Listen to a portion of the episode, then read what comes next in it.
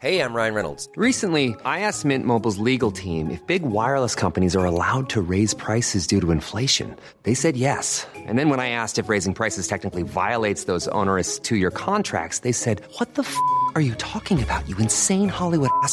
F- So to recap, we're cutting the price of Mint Unlimited from $30 a month to just $15 a month. Give it a try at mintmobile.com slash switch. $45 upfront for three months plus taxes and fees. Promo rate for new customers for limited time. Unlimited more than 40 gigabytes per month. Slows. Full terms at mintmobile.com.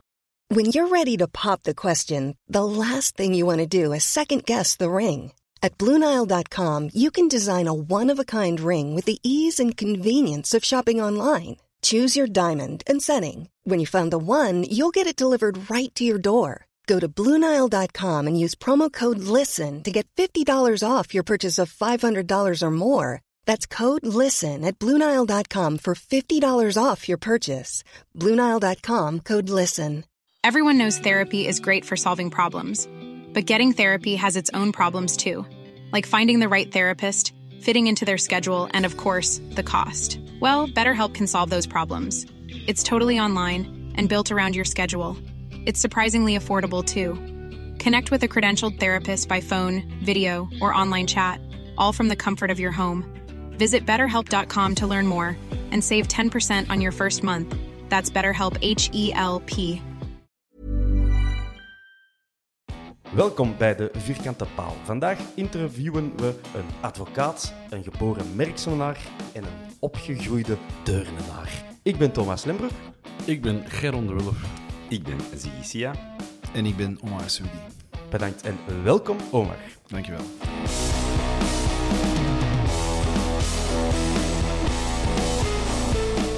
Goed, Omar.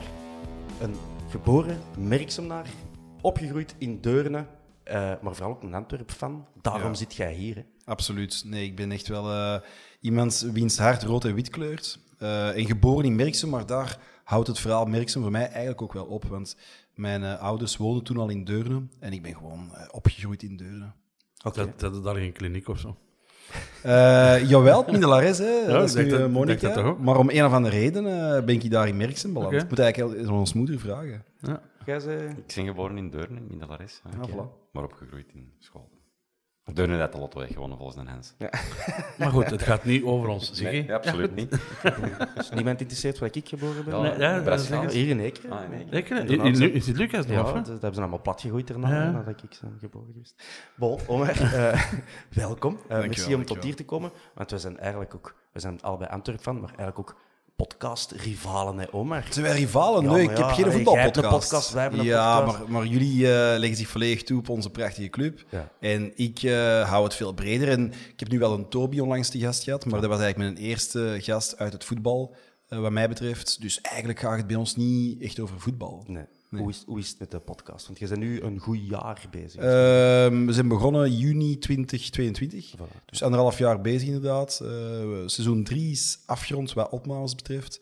En het gaat goed. Ik kreeg onlangs de cijfers van onze productie. En eh, ik schrok wel toen ik zag dat daar eh, bijna 300.000 individuele kijkers en luisteraars op stonden. Ik vond dat straf. Maar we hebben veel meer.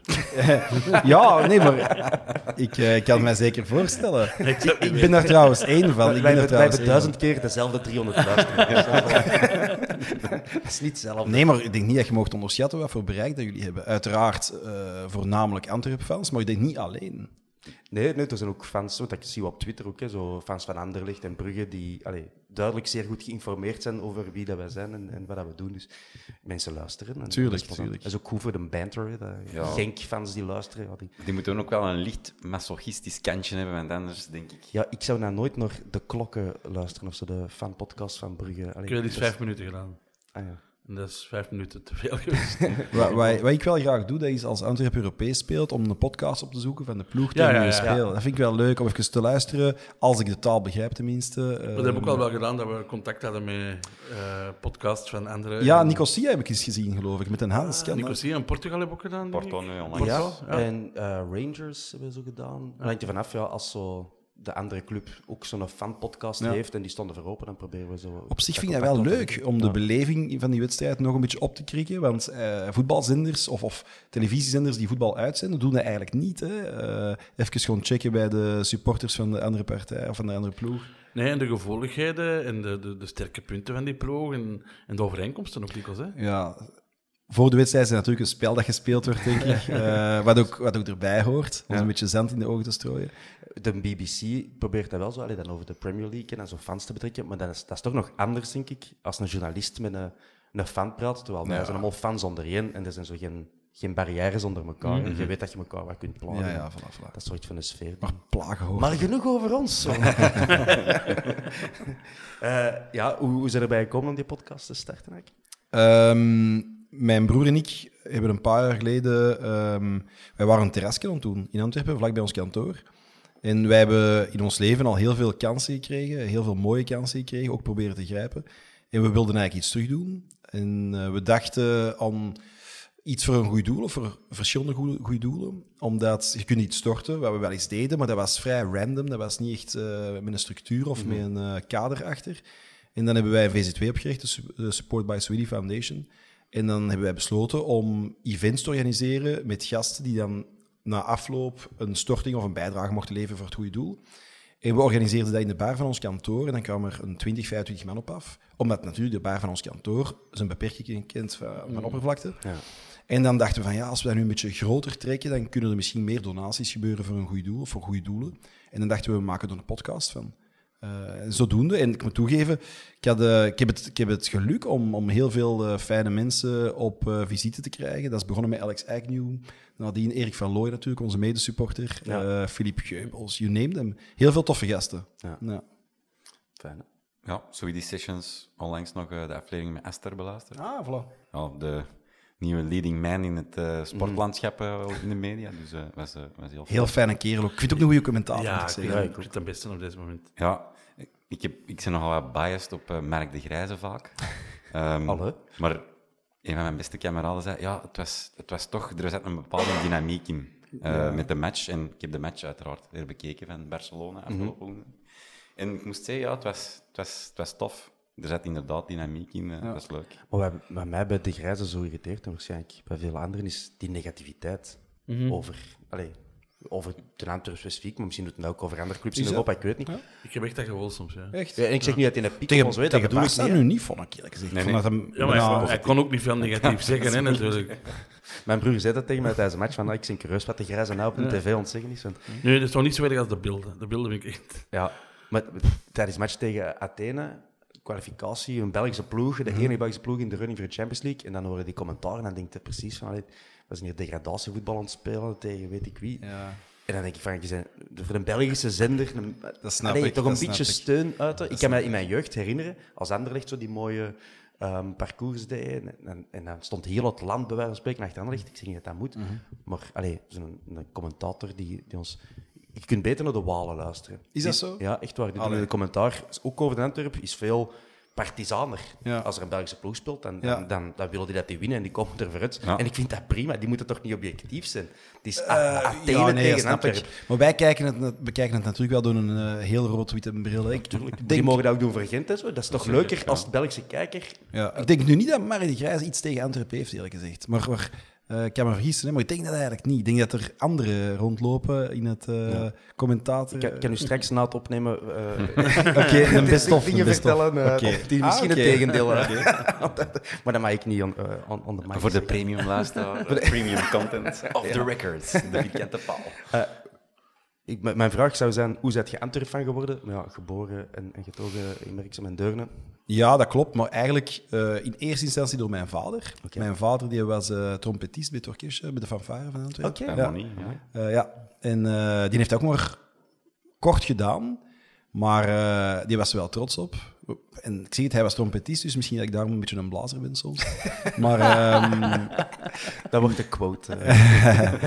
maar eh, die heeft mij eens meegepakt. En dat was... ehm, ja, ik vond dat wel als jong manneke, want ik was heel jong nog toen, hè, vier, vijf jaar de eerste keer. Ja. En het is niet dat ik er nog heel veel van weet, maar ik, het staat me wel bij dat er iets mij pakte. De sfeer daar, dat was zeer rauw, zeer puur, zeer volks. Eh, de Tribune 2, die ook collectief eh, prachtige gezangen ehm, verzamelde en eh, loste. Ik vond dat wel heel Engels, heel uniek. Dat, dat, dat deed iets met mij. Maar de waarheid gebiedt mij wel te zeggen dat ik ben geboren in 85 En ik ben echt verliefd geworden op voetbal met WK 94. Dat was voor mij het WK waar alles begonnen is. En daarna is ook echt mijn bewuste liefde voor Antwerpen echt van start Was dat gegaan. Ja- Japan-Korea, 94? Nee, nee. Nee, nee, dat was Amerika. Hè? Amerika, USA ja. 94, met België, Marokko, België, Ah, ik was toen aan het Saudi-Arabië. uitgaan. Dus, Dat was voetbal. Wel een leuk WK. blur. Wel een leuk WK. ja, ja. Met een eh, doelpunt tegen Marokko van, de jullie vrienden, de Ja, Grijzen, ja. Ah, oké. Dat is ook mijn eerste herinnering wel, zo, van de Rode Duivels. Dat is tegen goal. Ja, bij mij ik was was aan dat- zeven jaar. 86. Ja, ja, voilà. En, en de eerste wedstrijd van Antwerpen die, die ik echt eh, als in passioneel beleefde, toen was ik tien jaar. En dat was, eh, ik zal het nooit vergeten, Antwerpen Eendracht Aalst. 2-3 verloren, met twee goals van Jules de Bilde toen. Ah, ja, nog de beelden. Eh, en bij ons scoorde denk ik Kiekes en John Alweezy, denk ik. Amai, oké. Dat is lang geleden, hè? Ja. Ehm, en dat wa- dat was, ik vond dat een fantastische ploeg, ook met Emrechts, met eh Porte, met Severens uiteraard, Van der Straat. Ja, ik vond dat, ik vond dat fantastisch. Yes. Eh, ik, een stoutrik op eh, Instagram, want we hebben uiteraard aan mensen gevraagd om vragen in te sturen. Steven Hullard, ik noem hem. Ah, ja. Jij kent hem, voilà. Ja, ik ken Eh, hem, ja. eh, die, die vraagt, klopt het dat hij stiekem A-agent van is? nee, natuurlijk klopt dat niet. Eh, Steve Hullaert is, is iemand die in een restaurant in Contig. Oké. Dus die is blijkbaar toch zijn geld aan het verdienen in Antwerpen of, of binnen Antwerpse regio. En die is zwaar uh, geen supporter. Die heeft een tatoeage van een buffalo op zijn uh, hart. um, en ik moet toegeven, ik heb, ja, ik heb eigenlijk niks tegen Gent. Uh, wij winnen er altijd, dus ik vind dat een fijne club. Die geven ons altijd puntjes lekker cadeau. Um, maar hoe hij Gent graag. En, en dat hoort er ook bij. Want we gaan ook altijd samen kijken naar Gent-Antwerp of Antwerp-Gent. En ik zeg het, in Gent hebben wij eigenlijk nog nooit verloren. Uh, alleen maar gewonnen, denk ik zelfs. In de Galmco Arena. En ook zo Bolat die dan nog op het einde penalties pakt. En zo. Dus uh, dat is altijd een feest om daar te, te zijn. En, en thuis gaat het ook altijd goed. Dus. Ja. Uh, Als ja, de bus ene keer verloren toen in de playoffs. Klopt, de uh, laatste, ja, ja, vijf, met die, uh, die Scandinaviër die scoorde, geloof ik. Goh, dat weet ik niet meer. Ja, ja die spits, ja. ja, ja. En dat, was dat is op Arie, dat is die fase, toen hij dan een blunder begaan. Ja, dat kan wel, ja. Zat, lang geleden. De Gerard zit mij hier aan te staan. Van. Nee, nee, Het is ben uh, fantastisch.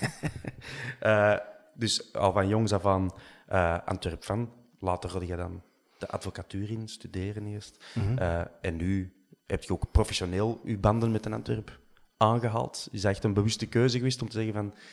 Ik kan, uh, Het is eigenlijk echt een toevallige samen van omstandigheden geworden, moet ik toegeven. Natuurlijk, ik heb echt op Antwerp, vooral op tribune 2, want ik heb ook een van mijn vennootschappen tribune 2 genoemd, okay. um, heb ik echt alle fasen van mijn leven meegemaakt. Dus mm. de, de middelbare school, zo de eerste kus, de eerste pint... Um, het grote verdriet. Mijn eerste kus was dat op tribune Ja, ja, tribune 2. Ja, ja? ja, ja absoluut. Hoe goed is dat? Ja, dat is... Dat is... Met een dokwerk. ik, hij heette Rudy. Uh... Nee, maar ik weet niet of het hem zo goed was. Oké, okay, ja. niet. Nou, mijn eerste kus hoeft niet goed nee, te zijn, dat is gewoon mijn eerste. Maar uh, tribune 2 is echt belangrijk in mijn leven, ik meen dat. Daarmee dat dat ook wel heel dubbel is, wat er nu allemaal mee gebeurt, ja. of niet mee gebeurt, beter gezegd. Ja. Um, en, en wanneer ik dan naar de universiteit ging, ik studeerde rechten, dan, uh, dan was die tribune er uiteraard ook uh, voor mij. En ik heb een jaar in uh, Praag gestudeerd, of bijna een jaar. En dan was het wel moeilijk om niet te kunnen zien op de thuismatch. Ik ben af en toe overgevlogen, maar als student is het allemaal niet zo simpel. Um, en dat deed wel pijn om Antwerpen dan tijdlang te moeten missen. Ja. ja. En dan nu het makelaarschap. Klopt, Dan ja. mag je dat, mag Klopt. je dat zo noemen. Hè? Ja, dus zeker. wel een jaar of drie, denk ik. Nee, nee, nee, nee. Het makelaarschap is denk ik anderhalf jaar geleden ongeveer Ah, van ja, start gegaan. Um, ik, ik kwam toen eigenlijk al goed overeen met de Jelle van Damme. Mhm. Mm -hmm. Jullie uiteraard bekend. Mm -hmm. Doet de meeste groeten voor mij. Ah, ik ga dat zeker doen. Voilà. We zullen ook eens vragen. Hè? Ja, die Jelle ja moeten doen. Ja. Is ook een man met echt een Antwerp hart, hè, echt waar. Die heeft uh, bij het... veel clubs gespeeld, maar Antwerp is toch speciaal voor hem. Ja. Is ook zijn laatste hoogtepunt eigenlijk. Hè. Zeker. Nadien bij Loker was miserie. Um, Jammerlijk. En ik kwam goed overeen met Jelle en Jelle vroeg van kijk, ik wil na mijn carrière um, de makelaarij in. Maar ik wil het op een heel andere manier doen dan wat nu gebeurt bij veel makelaars of door veel makelaars. Dus wat denk je om dat samen te doen? Jij de juridische en de uh, commerciële kant en ik uh, sportief, de spelers uh, mee helpen kneden. Mm -hmm. En ik vond dat geen slecht idee. En dan zijn we met um, een aantal mensen rond tafel gaan zitten. Ik had natuurlijk ook al wel um, uitstekende banden met de familie, familie Gijsens. Um, we hadden ook al wel wat gedaan voor uh, de club. En Jelle dacht dat dat wel een ideaal uh, plan zou zijn om dat samen te doen. We hadden ons voorgenomen om eerst een jaar of twee, drie gewoon te verkennen. heel veel mensen te spreken, spelers te spreken, clubs te spreken, trainingen en wedstrijden te bekijken, rond te reizen. Maar ja, dan kwamen er al snel heel interessante talenten onze richting uit. Zeno van den Bos, toen hem nog niet zo bekend was, eh, kwam vragen of wij hem niet wilden begeleiden. En dan zijn we een paar keer naar Zeno gaan kijken. En we hadden wel door dat hij een jongen was uit het juiste Antwerp-hout gesneden. Ja. Ehm, en zo is het eigenlijk een beetje sneller van start gegaan dan, dan gedacht, moet ik wel zeggen. je, je wil het anders doen dan, dan de rest. Eh, en dan doe mij dan denken aan die een Jerry Maguire film. Eh, waar hij, ja, de gevestigde makelaarij er dan ja, keihard tegenin gaat. Ja, ja, ja. Is dat moeilijk om, als je het anders wilt doen, toch in die wereld binnen te stappen? Goh ja, ik moet toegeven dat toen wij van start gingen en eh, wij hebben gezegd van kijk, het probleem dat nu rond voetbalmakelaars vaak hangt, is dat er heel veel verhalen de ronde doen over ehm, snel geld, eh, enkel azen op geld zonder de sportieve belangen van de speler of, of zijn carrière eh, in oogmerk te nemen. En wanneer wij, Jan of ik, of allebei zelfs, een interview hebben gegeven aan bepaalde kranten waarin we onze filosofie uit de doeken deden, dan was er een bevriende makelaar die mij wel eens liet lezen wat andere makelaars in WhatsApp-groepjes over ons schreven. Dat was niet echt bepaald sympathiek. Nee. Maar eh, ik, kom uit- ik heb natuurlijk 15, 16 jaar ervaring in het strafrecht. Dat zijn nog andere toestanden dat je daar meemaakt. Dus daar stonden niet bepaald te kijken van een makelaar Nee. links of rechts die met een, eh, een eh, belachelijk stemmetje bepaalde dingen zegt. En is het dan dat jullie meer richting management gaan van, van de sporters en begeleiding? echt? Absoluut, ja. Ja. dat zijn we volop om doen. Eh, toen we bijvoorbeeld met Zeno gingen samenwerken, maar we hebben ook Laurits, zit ook in, Laurits Ja. Krasnicki, eh, zit ook bij ons. Eh, ze hebben eigenlijk van bij aanvang gaan kijken van zie, eh, we werken ook samen met een sportarts, met een marketingstrateeg. Ehm, alles oké? Ja, en de pol- politie en zo. Ik zeg, de politie stopt. Er politie voorbij. Die, Ah, ja, die stoppen hier voor de deur. die, be- die Bengalen zijn er toch nog niet stad? Nee, het is dat. Ik maar zie politie een ik denk dat we op de bos al zitten. Ik denk, Ze hebben een oh, wagen tegengehouden. Ja. Ehm, je zit er juist met een advocaat strafrecht en je denkt van, oké, zijn uw klanten nu wel ontvolgen tot hier? Wilt je een visitekaartje gaan geven? Nee, ik, heb, ik heb gelukkig genoeg te doen. Ehm, nee, nee, geen sorry. En ehm, bijvoorbeeld met Zeno hebben we samen met zijn ouders... ehm, Fijne mensen Ja, trouwens. heel fijne mensen. Super eh, begaan, op een goede manier met hun jongen. Want ik moet toegeven, er zijn ook al heel wat spelers eh, op visite gekomen, al dan niet met hun vader, waar Jelle en ik na een kwartier al door hebben van ja, deze wordt gewoon niks.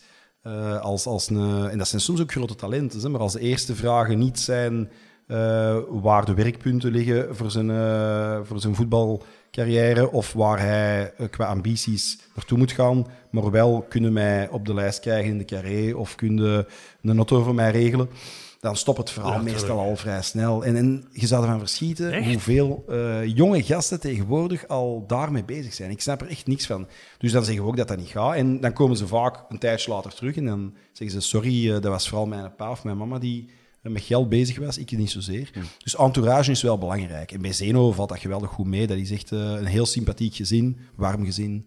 En Zeno heeft ook, vind ik, een heel goede mentaliteit. Ja, die ouders hebben mij na de kampioenenwedstrijd thuis afgezet.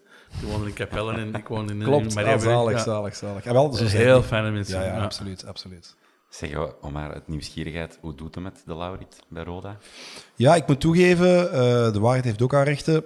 Laurits zelf, dat is een hele goede jongen. Ik weet niet of jullie hem persoonlijk kennen, maar Ik heb hem eh, geknuffeld in, eh, ja. in Pristina. Ah, voilà. Ik ben samen met onze eigen Hans Bressing Ja. en eh, Bob de Jong toch afgereisd. zalig. Met eh, een eh, andere familie, Krasnici, Ja. die ons eh, veel hebben gefaciliteerd om ons mee in het stadion te krijgen. Geweldig. En ja, ook eh, een gevoel dat. Die heeft een eh, warme Ja, familie rondom zich. En dat is een ja, eh, bescheiden jongen die hard werkt. En die scoort dan nog daar die, die winning goals. Dus dat was eh, een prachtig moment. Dus, Nee, Laurit is een jongen met ehm, allicht wel een van de beste mentaliteiten die ik met spelers al heb opgemerkt. Die eh, zit op zijn vrije dagen ook in een gym bij te trainen. die jongen die werkt de, de kleren of de shirts van zijn lijf. hij heeft in Roda, vind ik, de pech gehad tussen aanhalingstekens dat hij bij een ongelooflijk straffe ploeg is terechtgekomen. Die hebben de eerste tien matchen denk ik negen keer gewonnen. Periodentitel gepakt. En hij moest lang wachten op zijn kans. En wanneer hij zijn kans kreeg, stond hij meteen in de ploeg van de week over de hele reeks. Dus, dus van alle ploegen hebben ze dan hem eruit gehaald als de beste linksback van de reeks die, eh, dat weekend. En nadien belandde hij terug op de bank. Wat ik zeer raar vond, want als je je kans krijgt en je belandt meteen volgens ehm, de, de Watchers ieder team van de week. En nadien zit jij terug direct op de bank. Dat vind ik wel een beetje bizar. Ehm, dus laat ons zeggen dat volgens mij de trainer het niet helemaal op hem begrepen heeft. En dat ik eh met Laurent ontspeken zijn om te kijken wat we deze winter doen. Ehm, een terugkeer naar Antwerpen, wie weet, we zullen zien. Wij zitten met Antwerpen niet al te breed in de selectie. Er kan veel gebeuren. En eh, er moet maar eens iemand uitvallen, dan krijg je een kans. Dus we zullen zien. Ja. Ja. Ja, ik hoop dat eh, er iets snel niet op de bus komt. Want, ai, het is volgens mij 100% iemand met een Antwerp hart. Ja. En qua mentaliteit komt ervoor. Ja, zeker. Vorig Maar jaar zijn Hij is ook al gehad, 22, zeker. Ja. Dat is ook niet meer piepjong natuurlijk. klopt. Maar ik denk wel dat dit seizoen, we zitten niet breed, op de bak is ook niet. Waarschijnlijk heeft hij al wel zijn minuten gemokt. Misschien niet zoveel als in het begin van het seizoen bij Roda natuurlijk, maar kijk, Ja. keuzes die we maken. Dat is eh, wat, wat de meeste mensen die voetbal eh, volgen of van voetbal houden, die zien de mooie kant. Hè. Spelers zoals een George die in de laatste minuut tegen Barcelona scoort en dat is sensationeel en iedereen wordt zot. Maar als je ziet hoe een Laurits, die verhuist dan naar Nederland, dat is weliswaar een buurland, maar wel alleen. Die zit daar alleen, die kent daar geen mensen, die zit elke dag keihard te trainen. Die moet heel lang wachten op een kans. Die krijgt niet altijd veel uitleg. Die, dat is ook wel de, de zware prijs die je betaalt als voetballer. Ehm, en dat is, dat is, het is een hard wereldje. Het is echt een hard wereldje. Daar moeten we wel mentaal sterk staan. Niet simpel. En de goede begeleiding nodig. Van, Vind ik ook. Vind ik ook, dat is belangrijk. Met, ja. met welke frequentie staat hij dan zo mee in contact? Want eh, je geeft we- ja, wekelijks. Ja. Wekelijks. Ik, ik bel hem graag. eh, ik stuur hem veel. En ik eh, probeer hem ook te motiveren. Ik probeer ehm, hem ehm, qua, qua mentaal gebied sterk te houden. Eh, maar het is wel een sterke jongen. Het is wel een strijder. Het is wel een gast die erin blijft geloven, blijft vergaan. En heel positief. En soms denk ik, maar ik hoop dat hij niet meeluistert, want anders moet hij even zijn, eh, zijn naar beneden draaien. Maar soms denk ik dat hij misschien zelfs te braaf is. Want als hij op de bank belandt, is het niet dat hem eh, naar de coach om uitleg of vragen of zo. Die jongen die zegt van oké, goed, dan moet ik harder trainen. En dat is eigenlijk knap. Dat is eigenlijk de Heb mentaliteit. jij met de Jellen ook zo'n wissel rond? Dat, dat, zo, zijn er spelers die eh, eerder naar Jelle trekken om dat contact te hebben? Of Dat is eigenlijk eh, echt eh, in balans. Nee, want ehm Jan is natuurlijk de man die dat op het hoogste niveau heeft gevoetbald. Ik heb dat niet. Eh, ik, ik wou wel eh, profvoetballer worden, maar ik had absoluut niet talent ervoor, Wij helaas. allemaal. Ja, heel, heel jammer. Ik, ik heb ook wel ge- gevochten, maar eh, iets, eigenlijk op de verkeerde manier te veel rode kaarten gepakt. heb. Eh, ik denk dat ik hier Rogges Deurne nog altijd in de kantine hang naast Johan Mugger voor meeste rode kaart in één seizoen. Dat is proper. Als, als ik eh, ploegmaten van vroeger En tegenkom... hij speelde niet eens bij Rogges. Maar als ik ploegmaten van vroeger tegenkom, dan zeg ik ze altijd van, heb je nog je rode kaarten gepakt? Ja, ik pakte er iets te veel vroeger. Ja. Ja, als het toch over gaat, uw eigen voetbalcarrière, was dat allemaal Rogges Deurne? Hebben er nog clubs Rogges Deurne, Olympique Deurne. Eh, ik heb bij veel clubs gespeeld, maar de belangrijkste waren wel Rogges en Olympique. Ook wel een paar keer als kampioen gespeeld, maar op welk niveau is dat? Ik moet toegeven, in mijn ploeg waren er wel echt een paar heel goede pionnen, heel sterke spelers, waar ik toen van dacht van, die moeten een kans eh, krijgen om het te, te kunnen maken. En uiteindelijk is er eigenlijk niemand echt uit voortgekomen. Dus dat vond ik achteraf bekeken wel verrassend, want er zat echt wel wat talent. Eh, maar ik was, ik was sowieso niet de, niet de beste, nee. nee. Dat is nu ook City Pirates geworden, zeker, uh, Rogges? Ehm, goeie vraag. Ik dacht dat die zijn gefusioneerd met Olympique. Maar dat kan ook Olymp zien. Olympique is wel Pirates, dat weet Is dat? ik. Ah, dan zal Rogges het ook zijn. dus Ik ja. dacht dat aan, aan het stadionnetje van Dat Rogges, kan, dat ja. met de hoek Ah, de Piratenkop dacht Dat weet ik eigenlijk niet. Ja. Olympique ben ik zeker van. Ja. Dat die zijn mee opgegaan in de Pirates groep. De Pirates groep. Ja. Dat is zoals de City Je Group. kunt het eh, niet anders noemen. Hè. Ik zag onlangs trouwens, klein eh, intermezzo, een eh, foto van Olympique Deurne 2007-2008 met Jeremy Doku erop. Ja. Die heeft er blijkbaar gespeeld, ik wist dat niet. ja. Dat is wel straf, Ah, toch? de- eh, bijna bij de Antwerp, zeg. Kom maar. Ja, maar ja, nee, maar misschien had hem zijn carrière nog ooit wel eens wil te herlanceren of afsluiten. Ja, Onlangs, Ja, is onlangs, van Boyeruit. ja, onlangs nog gelezen, is eigenlijk zwaar begonnen bij de Tube. Ja, Je bent, bent, ja. Eh, dus ja, het is eigenlijk in Deurne dat leren shotten. ja. Kunnen wij dat dan claimen? Zo, gelijk, made in made Deurne, made in Deurne. Ja. ja, kijk. Goed bruggetje, de Teup naar de Raja. Die is dan ook via u, met u, wat is de link juist met u, de Antwerp, Paul Gijsens en eh Raja Nangolan? Hoe is hij Ehm, tot, tot, tot stand gekomen? Toen eh, Luciano vertrokken is, eh, kwam er heel erg veel werk op eh, de schouders van Sven-Jacques. En dan ehm, was ik ook vaak wedstrijden bovenaan bekijken bij de familie en bij Sven. Ehm, en wanneer ik zag dat de club het moeilijk had, of wanneer er toch iets ontbrak in de ploeg, heb ik af en toe wel wat voorstellen gedaan, waaronder ook Raja toen. En eh, ik herinner mij nog dat Sven eerst dacht dat het moeilijk zou zijn, omdat hij natuurlijk ambassadeur was van een andere club ooit. Ehm, en, en ik geloofde wel, dus ik heb Raja een berichtje gestuurd en gevraagd of hij eventueel interesse zou hebben. En hij dacht eerst dat dat, dat niet ernstig gemeend was. Maar nadien bleek dat we toch zouden willen praten.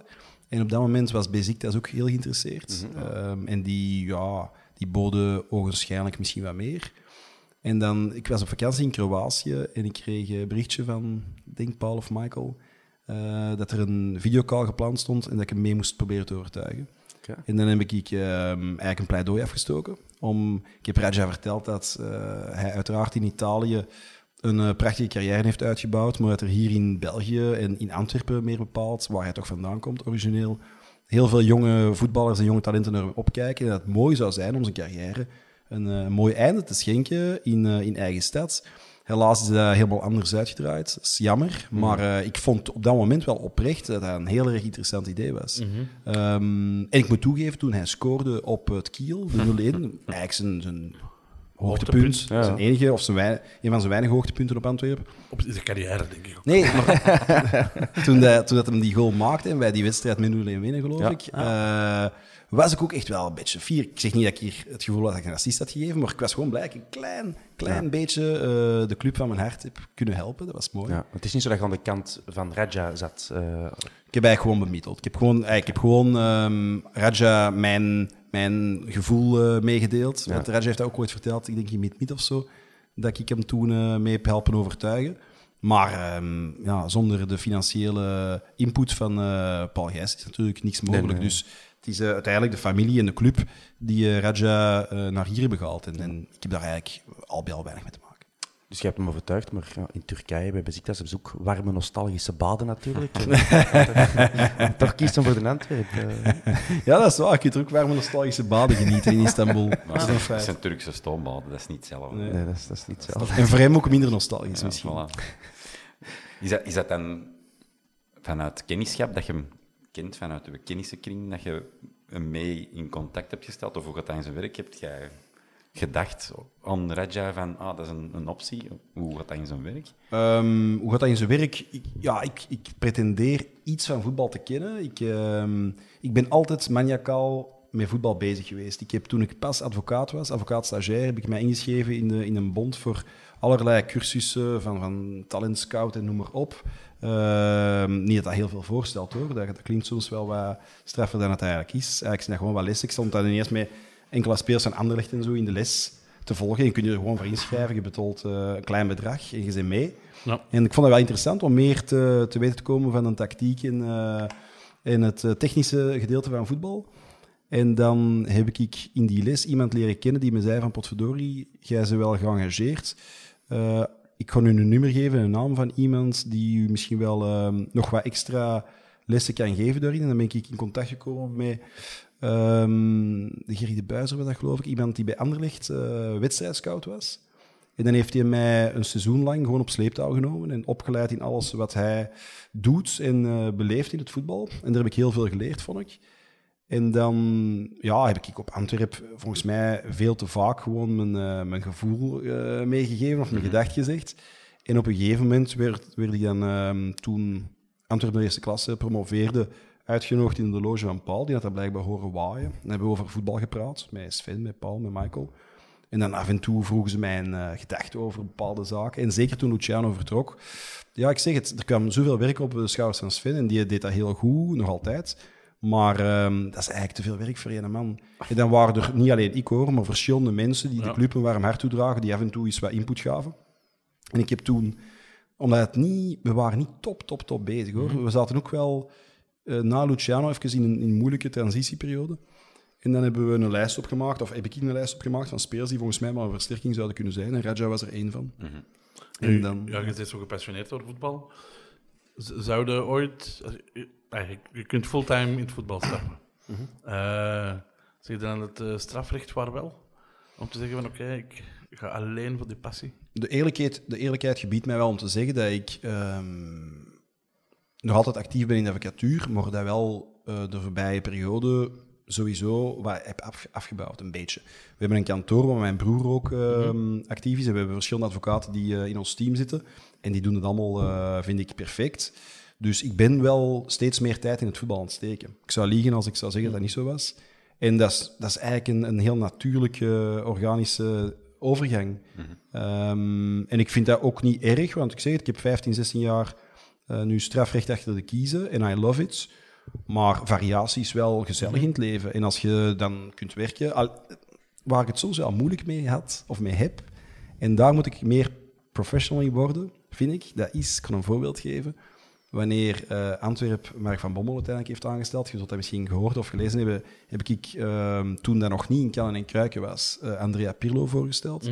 Ja. Ehm, en Mark Overmars zei toen tegen mij van, kijk, heel mooie kandidaat, maar we hebben al een akkoord met Mark van Bommel, dus een woord is een woord. En dat snap ik ook, ik wist dat toen nog niet.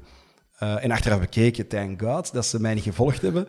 Ehm, en dan, zei, ehm, dan hoorde ik in een draai, want Club Brugge zocht toen nog een coach, dat Mannaert misschien wel eens wou spreken over Pirlo. En Jelle zegt van ja, je moet eh, Vincent Mannaert maar eens bellen, want Club Brugge is geïnteresseerd. En dat kon ik toen niet. Eh, ik zeg van ja, nee, ik zeg Jelle, we zijn gelukkig met, doe jij het maar.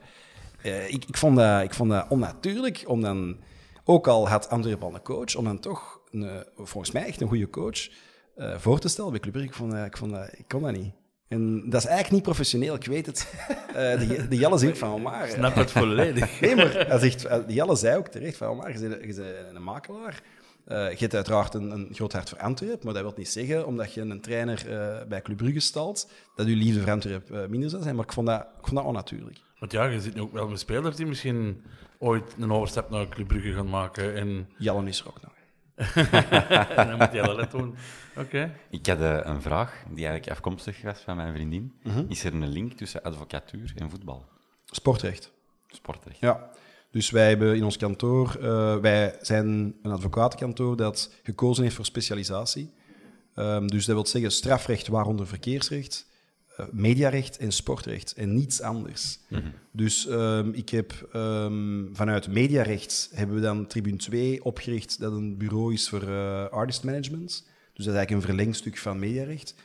Ehm, we hebben vanuit het sportrecht dan Polymatch doen ontstaan, wat eigenlijk ja, in het eh, voetbal komt heel veel juridisch werk kijken ook gewoon. Als je contracten moet nalezen of opstellen of eh, onderhandelingen, er komen heel veel cijfertjes om te pas. Ehm, je ziet dat nu ook met eh, nieuwe FIFA-reglementering en de examens die makelaars moesten doen. Je bent wereldwijd van 16.000 makelaars naar 3.800 gegaan.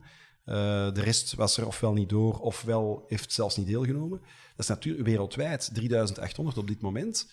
Ehm, vroeger zat er in Engeland alleen al meer. Dus dat is echt wel een gigantische shift. En dat komt volgens mij ook door het feit dat de FIFA echt wel is gaan kijken naar eh, de juridische feeling en know-how van de mensen die dat daar deals mee willen, ehm, willen onderhandelen en spelers willen begeleiden. Omdat het is, het is echt wel technisch geworden. Het is, het is niet zo makkelijk als vroeger niet meer. De, de belangen zijn bijzonder groot. Eh, er komt veel geld om te pas. En ook nog een kleine side note. Vroeger was het zo dat voetbalmakelaars eh, eigenlijk alleen maar ten tonele kwamen bij transfers, omdat ze dan zouden kunnen verdienen. Sommigen toch tenminste. De FIFA heeft dat wel omgedraaid. Dus als voetbalmakelaar, nu, op een transfer verdien je in principe geen geld meer. Tenzij je voor de verkopende club komt. Eh, als je voor de speler komt, bijvoorbeeld, dan is je commissie gebaseerd op het loon eh, van de speler, niet op de transferfee. Dus dat zijn wel wijzigingen die de FIFA heeft geïmplementeerd die wel positief zijn. Ja, absoluut. Want je gaat meer een shift maken naar de best interest voor Ja, voor de speler. de speler. Dat is uiteindelijk waar het om draait. Zonder spelers is er geen voetbal. Ja. En de mensen die zich alleen maar laten verblinden door eventuele financiële eh, intenties, die gaan er wel stilletjes aan uit, denk ik. Ja. Maar we mogen er wel niet om liegen dat voetbal een van de grootste businessen blijft. De dag van vandaag. Hè. Ja, dat is allicht waar. Ehm, er gaat ontzettend veel geld in om. Tegelijkertijd, is ook geen geheim. Hè. Ik was ehm, bij het begin van ons agency hebben wij gezegd van wij werken met een open boekhouding. Als mensen willen weten wat wij verdienen, stuur een mailtje, we zullen het zeggen. Geen enkel geheim, open en bloot op tafel. En ik had onlangs na de FIFA-examens ehm, een interview met een journalist van een grote krant die eh, mij vroeg van ja, hé, ligt dan op tafel? Wat je tot nu toe verdient op 18 maanden? En ik heb dat even nagevraagd, want ik wist dat niet uit het hoofd. En dat was denk ik een, een 18.000 euro of zo. Dus ik denk nu niet dat dat veel is. Nee, nee, dat is Eh, helemaal en, niet en dat is volgens mij, en het is niet dat we in de toekomst niet, niet meer geld zullen verdienen. Dat is natuurlijk ook een periode waarin je vooral verkent. Maar wij hebben ook naar eh, Zeno, naar Laurik, naar de spelers die we allemaal begeleiden, gezegd van kijk, geld is niet onze eh, first interest. Wij willen dat jullie beter worden. Wij willen jullie begeleiden op alle mogelijke manieren. Medisch, zakelijk, strategisch, sportief, die alle dan... En, en financieel, want de spelers moeten er financieel vooral beter van worden. Maar ehm, wij waren eigenlijk al eh, proactief bezig met veel lagere commissiepercentages dan de meeste makelaars eh, deden. Hoe- hoeveel spelers kun je aan?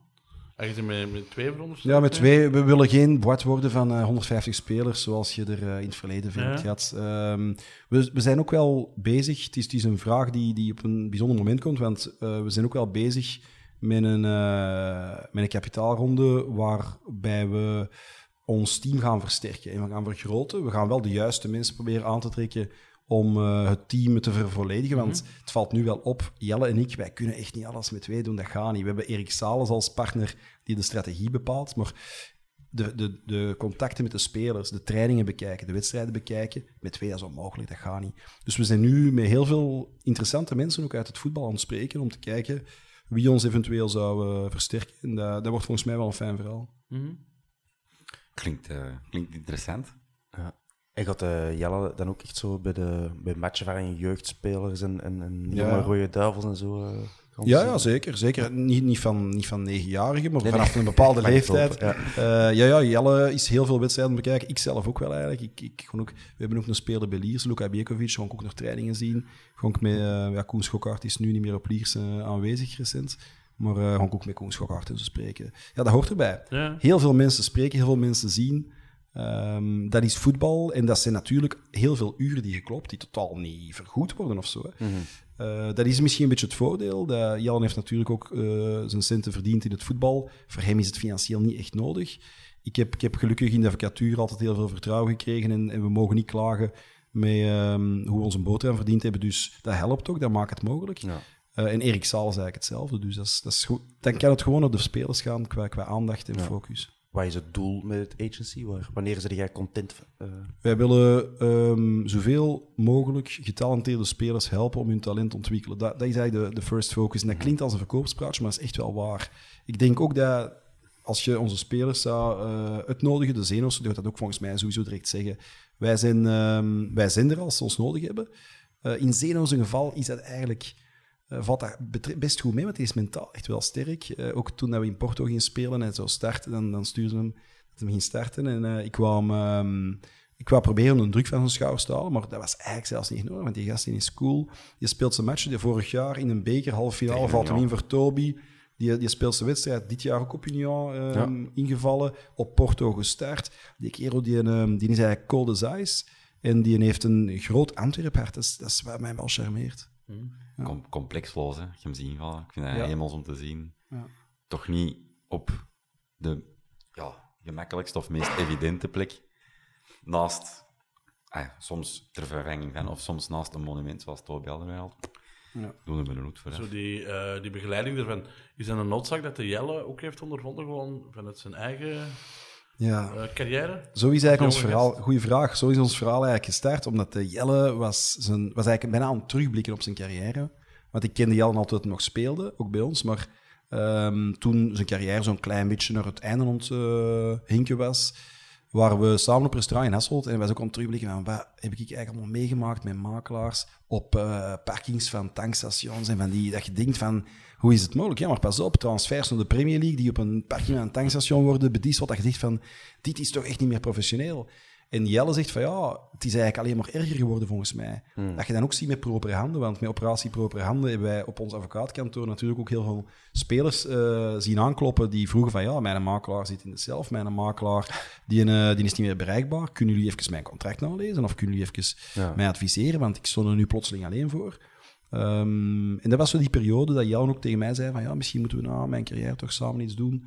Want eh, jij hebt er verstand van eh, juridisch en ik ken eh, uiteraard mijn sportnetwerk heel goed. En dat zou wel eens kunnen werken. Dus en dat, gaat, dat gaat eigenlijk prima. Dat is, dat is een hele fijne kerel om mee samen te werken. Gaat het dan bijvoorbeeld nu, hè, want heel actueel, we hebben de Champions League gespeeld met de club, Mhm. maar ook de Youth League. Mhm. Rekte er dan tijd voor uit om naar de Young Reds te gaan kijken, bijvoorbeeld, naar die wedstrijden? Zoveel als mogelijk. Ah. Eh, dat is niet altijd gelukt. Zelfs de wedstrijd in Barcelona van Antwerpen heb ik, heb ik op mij moeten laten voorbijgaan, wat ik, niet, wat ik eigenlijk niet kon. eh, want ik ben ook heel veel in Barcelona. Ik hou ook echt wel van de stad Barcelona. En die wedstrijd kon ik niet doen. Waarom? Ik had de volgende ochtend, s morgens vroeg, in Anderlecht examen voor de FIFA van een makelaar. En dat is maar eh, twee keer per jaar dat wordt georganiseerd. En als ik dat examen niet zou met succes volbrengen, dan zouden we Zeno niet meer mogen helpen. En zo. Dus ik had toen geen keuze. Ja. Maar dat deed wel pijn. Ik moet toegeven, ik werd dan uitgenodigd door de Janko Beekman om, om op de redactie te gaan kijken. En toen ik de wedstrijd zag, dacht ik van oké, misschien wel goed, want ik had, ik had er toch serieus mijn kaas op gefrit. Eh, langs de andere kant, het was, het was, het was een, ehm, een uniek eh, moment natuurlijk ook. Hè. Dus je zit er altijd graag bij. Maar sportief denk ik dat dat in een Champions League campagne de enige wedstrijd was waar we kansloos waren. Waar we volgens mij nooit op een punt hebben aanspraak gemaakt.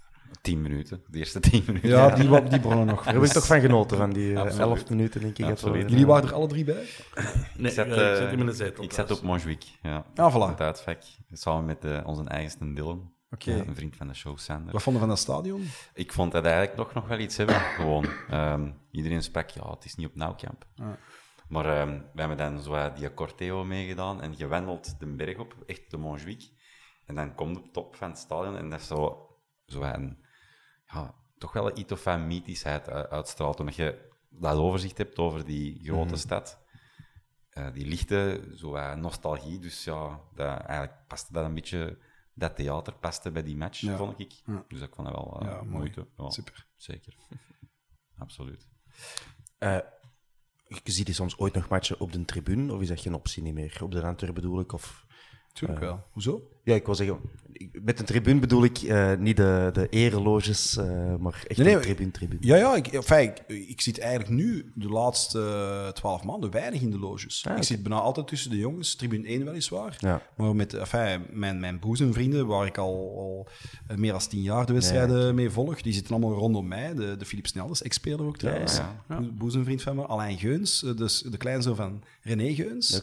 Hè, ook een belangrijke speler toch in onze geschiedenis. ja, zeker. Ehm, dus dat zijn de mensen die mij daarom ringen. Ik moet toegeven, hoe graag ik ook ehm, met onze, onze bestuursleden en de, en de, de mensen die aan de knoppen draaien praat en de wedstrijd beleef, er, er gaat niks boven met onze eigen jongens. Hm, Eh, maar ik ging dus- ervan uit dat je eh, boven zou zitten. Nee, nee, ik, ik zit voornamelijk echt beneden. Ja, En als absoluut. je een supporter naast je hoort roepen tegen de Zeno... dat, dat is nog niet gebeurd, eerlijk gezegd. Er is volgens mij nog geen reden toe geweest. Nee, nee, oké. Maar eh, als het terecht is, dan moeten mensen maar roepen wat ze willen. Eh, en, en ja, ik moet wel toegeven, nu met de Champions League eh, plaatsen, is de samenstelling rondom ons soms wat anders bij de thuismatchen. En dan kan ik me soms wel storen op bepaalde mensen die dan plotseling komen zitten die ik nog nooit heb gezien. En die dan de raarste dingen roepen in de meest vreemde dialecten van ons land. Eh, dat ik denk van ja, dat zijn dan uh, successo's uit eh, de Vlaanders of zo.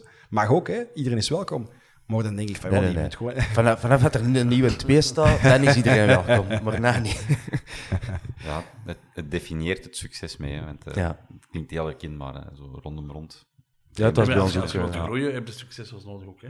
Dat is, dat is een stuk waar. Dat is een stuk waar. Ja, maar ik, ik, eh, ik vind ook wel dat de mensen die dat de krochten van tweede klasse hebben beleefd en die dat er altijd waren, ja, ik ben democraat, maar ik vind dat die bijna voorrang zouden moeten krijgen. En eh, de, de tickets worden uiteraard wel steeds duurder. Dat is in, in het hele voetbalwereldje zo. Maar ik zou het jammer vinden moesten die mensen nu niet meer kunnen genieten Helemaal mee eens, helemaal mee eens. Maar als je van 25.000 naar 50 wilt gaan, ja, dan gaat je ze ergens Dat moeten halen. En er zullen succesvals bij zitten. Er zullen... Zeker. Ja, Ja. ja, tuurlijk. En dat is ook zo, maar het is nu wel vaak uitverkocht. En ik ben soms een beetje bang dat er mensen uit een boot vallen die ik niet graag uit een boot zie vallen, eerlijk Dat gezegd. snap ik. Dat snap ik. Eh, ik, heb, ik heb vroeger, lang geleden, toen ik een jaar of eh 14 was, denk ik, ehm, had ik niet te veel geld om eh, de wedstrijdtickets te betalen. Want vroeger mochten gratis binnen tot 15 en was dat teruggedraaid naar 12 en ik was toen 14. En dan heb ik elke woensdag, namiddag en zaterdag vrijwilligerswerk gedaan op de Antwerp. Eh, bij de Jos nog was dat, denk ik. Eh, en dat was dus met, met vaten bier sleuren en eh, ja, vrijwillig, de, de tribune opkussen, noem maar op. Voor een wedstrijdticket. Je kreeg dan een wedstrijdticket in ruil. En dat was met veel mensen ehm, die dan hetzelfde deden, die vaak ook wel wat ouder waren als ik. maar die gewoon niet genoeg geld hadden om dat te betalen. En ik zou dat echt persoonlijk heel erg vinden, moesten die niet meer kunnen genieten van onze huidige successen. Ik meen dat. Want Ja. dat, is- dat, is, dat is een Antwerp wel. Dat is, Ja. de- dat is het hart van de club. En dat mogen we nooit vergeten. Nee, de Antwerp heeft lang overleefd hè, op eh, vrijwillige basis. Kijk, hè. Ja, ja. naar iemand ik specifiek was- onder was ook andere. een Noorderler, ja. Eh, en je spreekt nu ook hè, over de, eh, de, de hel van, van tweede klasse. We Sorry, maar kreeg jij geen pre toen jij daar werkt? Ik ben begonnen als, eh, als vrijwilliger echt. Oké. Ehm, ik heb er tien jaar rondgelopen. En ik denk ja, zeven of acht jaar gewoon als vrijwilliger. En dan heb je een kostuum gekregen en das. Ja, dat, dat was mijn Een pintje. eh. En dan zijn we vertrokken. ik denk na zes jaar of zo dat ik zelfstandige ben geworden. Oké. In de ijdele hoop dat ik ook een factuur zou kunnen sturen, maar dat was dat niet. Eh, dan, eh, dan was dat in ruil voor business seats, want ik moest wel een soort van contract hebben. Want als, als ik controle krijg, dit en dat. hè. En dan was dat in ruil voor twee business seats. Maar ja, ik zat op de perstribune, want dat was mijn, mijn job daar. Dus ik had ook helemaal niks aan die business seats. En, eh, en drankbonnetjes. Ik denk zes drankbonnetjes. En in welke match. periode was dat? 2007 of 8. 2008 tot, Toen ging het 2000 echt moeilijk, hè? tot 2017. Ja, dus ik heb, eh, ik heb de club mee in, in, in eerste klas afgezet. Ja, ja. En dan dacht ik, ja, mijn job is hier klaar. Ik kan hier... eh, eh, nee, ja, ik... eh, En ik dacht dat dat jij echt een contract had en goed verdiende. zei hij lachend. eh, nee, nee, nee. In de laatste twee jaar dan heb ik... eh ja, tweeënhalf jaar heb ik er wel iets aan, iets aan verdiend. Maar ook Een een, loon. een, een klein... Ja, een factuur. Hè. Maar- Wat ik trouwens wel veel. Ik vind, ik vind het altijd gezond als er, zeker ook in onze club of in, in Antwerpen, dat is zo'n volkse, volkse club waar eh, dokwerkers naast advocaten zitten, waar eh, politici naast eh, muzikanten plaatsnemen, dat er ook in de geledingen van de club, in alle geledingen van de club, voldoende rood-wit bloed stroomt. Ik vind dat echt belangrijk. Dan, dan blijft uw DNA bewaken, uw eigenheid bewaren. Dat, ja, dat moeten we wel in de gaten houden. Sascha van de Zanden. Hè? Ja, Dus dat Ja. Ik denk dat dat misschien wel op, eh, bij uitstek nummer 1 is nu momenteel, qua hoogte van functie misschien. eh De Chris Ongen ook, hè? Ja. Niet te vergeten. Chris Ongena? Ja, dat is een Antwerpman, hè? Oké. De, de huidige CEO. Oké, wacht, Ken, sorry. ken je die? Sorry, kleine stop, mijn geluid is weg. Wij horen nu. Ja, wij horen u nu. Ah nee, oh, sorry, de piep is weg. Ah, ik dacht dat dat klopt. Wacht, ik wil even opschrijven, die tijdscode, sorry. Rust. Eh, ja, Chris Ongena, vertel, sorry. Ja, Chris Ongena is een man waar ik vroeger nog eh, zaalvoetbal mee heb gespeeld. En eh, die altijd een Antwerp hart heeft gehad, want we wonen ook regelmatig samen op reis. En neem het van mij aan, die is minstens even passioneel met Antwerp bezig als ik zelf. En die is nu COO bij Antwerp sinds enkele maanden. Doet dat wat mij betreft ook, voor zover ik er zicht op heb, heel goed. Dus ehm, dat is samen met de Sascha dan zeker en vast de, de rood-witte vertegenwoordiging binnen de geleding van de club. Ja, nog diep aan het nadenken.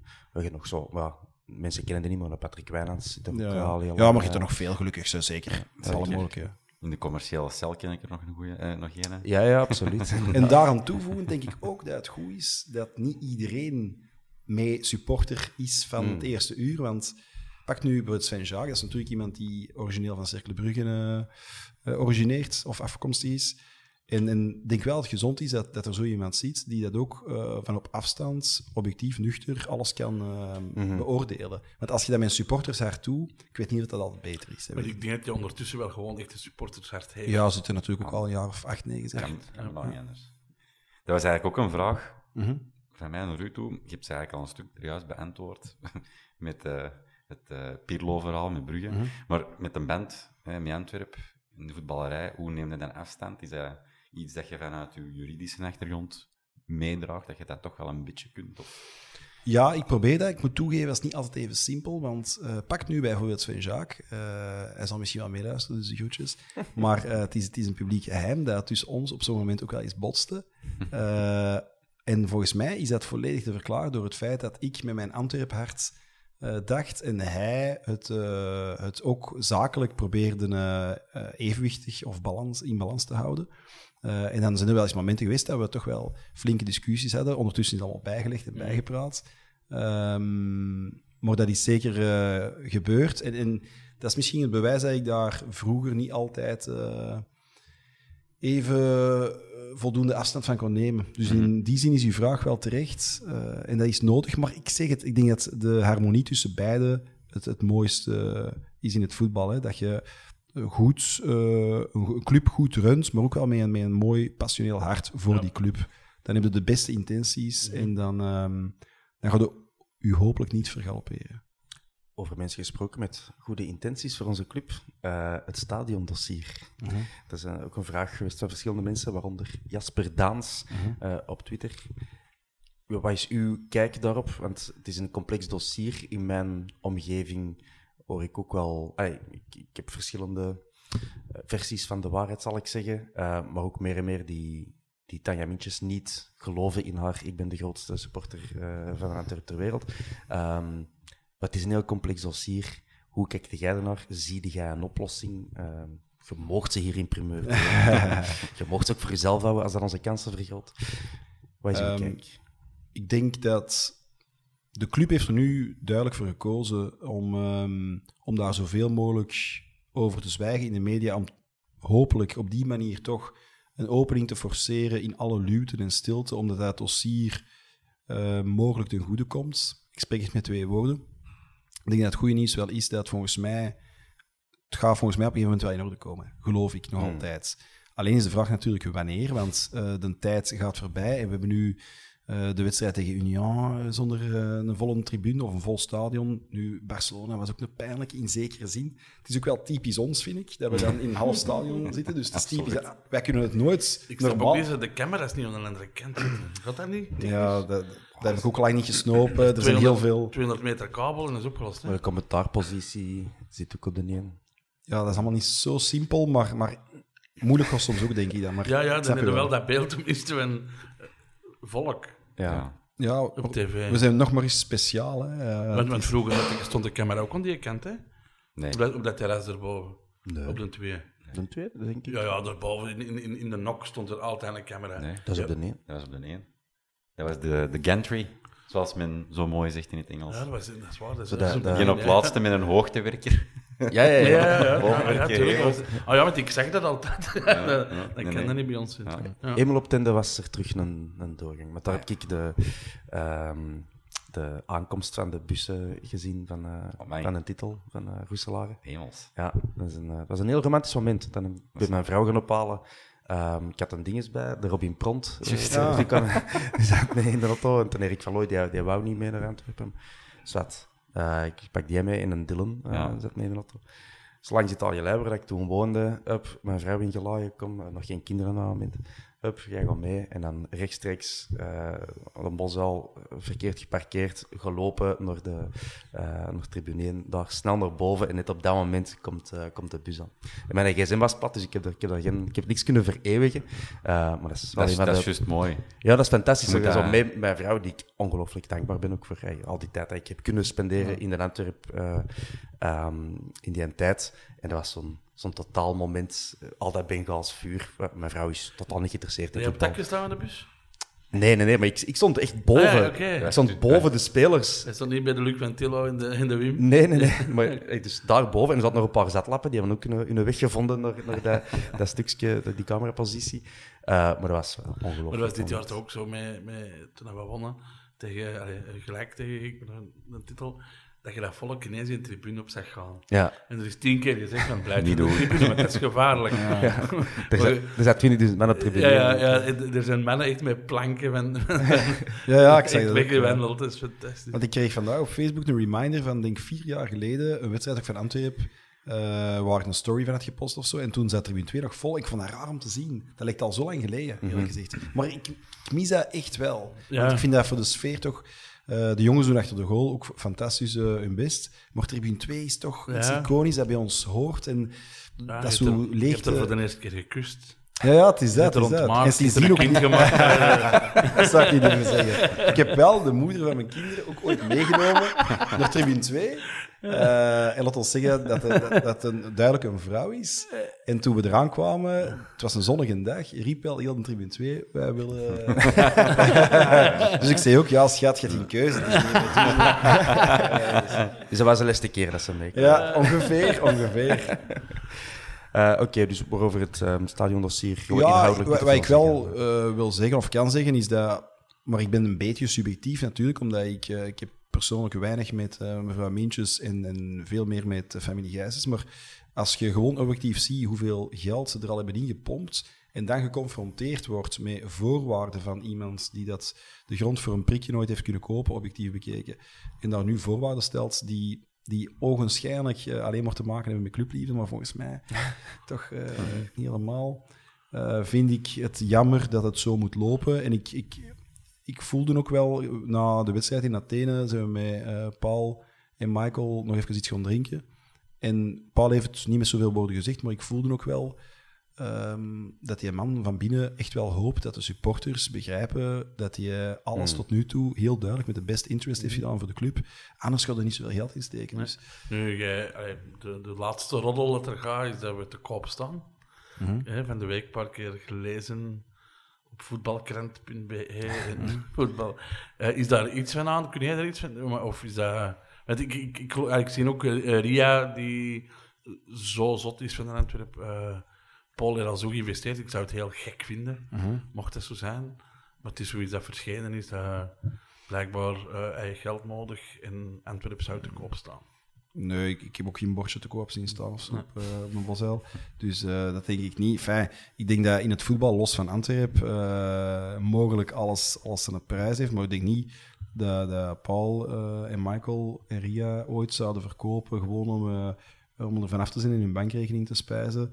Om eh, een portkie, dat denk ik niet. Maar nee, eh, ik zie echt wel, als ik de, de mensen waar het eh, over gaat ontmoet, zie ik nog altijd het vuur in hun ogen branden. En die willen gewoon het beste mee Antwerpen. Natuurlijk, het zou wel handig zijn moest de politiek ook even mee ondersteunen. Want ook voor de stad Antwerpen is het een beetje slemielig als Antwerpen daar met een lege tribune op alle Europese televisiekanalen en Azië en zo komt. Dat is ook niet echt, vind ik, de beste promo. Dus ik denk dat daar vanuit het politieke anker ook wel eens een beetje steun zou mogen komen. Ik zeg niet dat dat niet is, maar het kan volgens mij altijd meer. Eh, er wordt dan gesproken over eh, mogelijk onteigenen en zo, maar jij als advocaat kent er meer van dan ik. Dat is toch een waanzinnig precedent dat je een enkele Zo politicus het is hier- niet onmogelijk, maar zo simpel Nee, is ik weet dat niet. het niet onmogelijk is, maar... Allee, En denk ook niet dat dat, de, denk ook niet dat, dat nu de oplossing zou zijn, maar ehm, daar, kan ik, daar kan ik moeilijk iets. Dat zou mij heel straf lijken, moest dat zo zijn. Eh, mijn heel korte take daarover is, is gewoon money talks en bullshit walks. En het is Paul Gijssen die, die al dat geld er al heeft ingestoken. Hij gaat daar zeker ook zijn boterham aan verdienen. Eh kwestie van leasing van tribune en, en verkoop van de club, weet ik veel.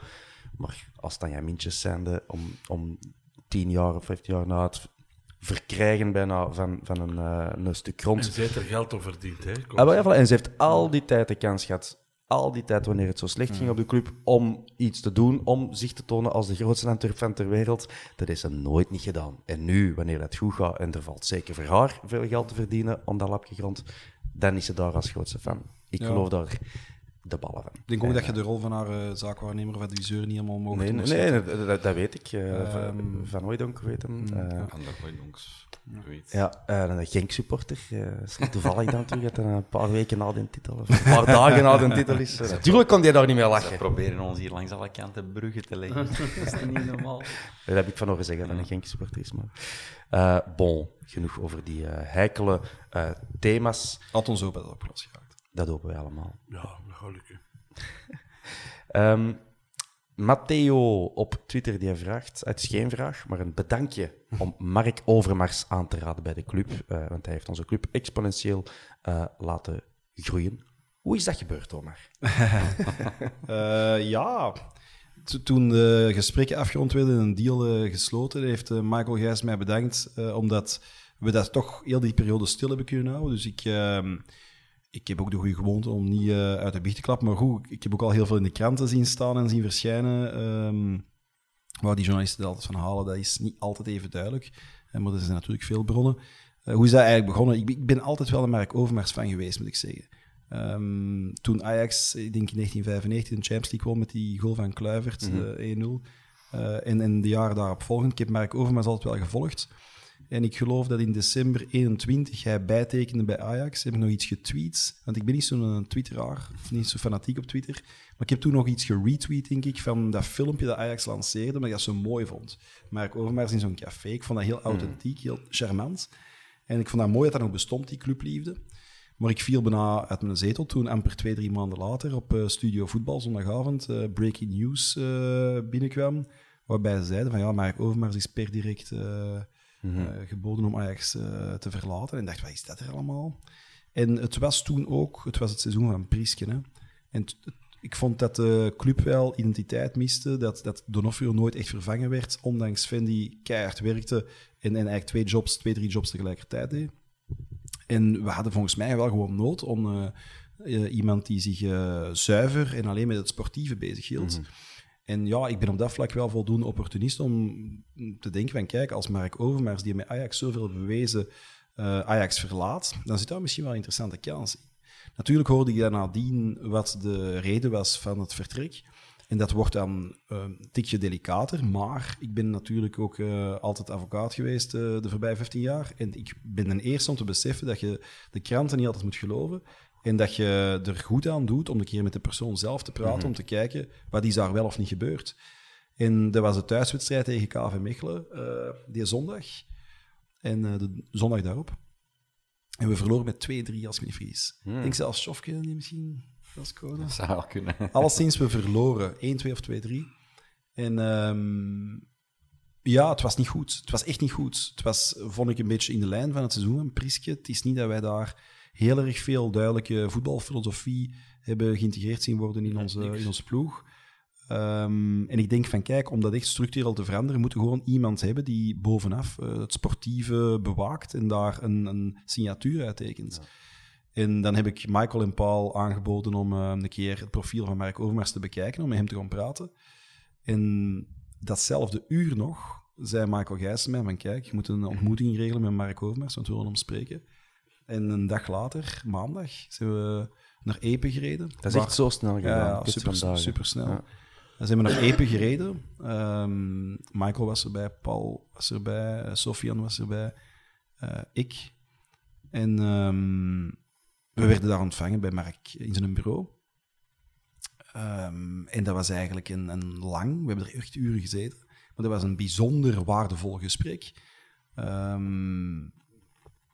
Ja, en, en dan zijn de gesprekken officieel eh, van start gegaan om te kijken ook.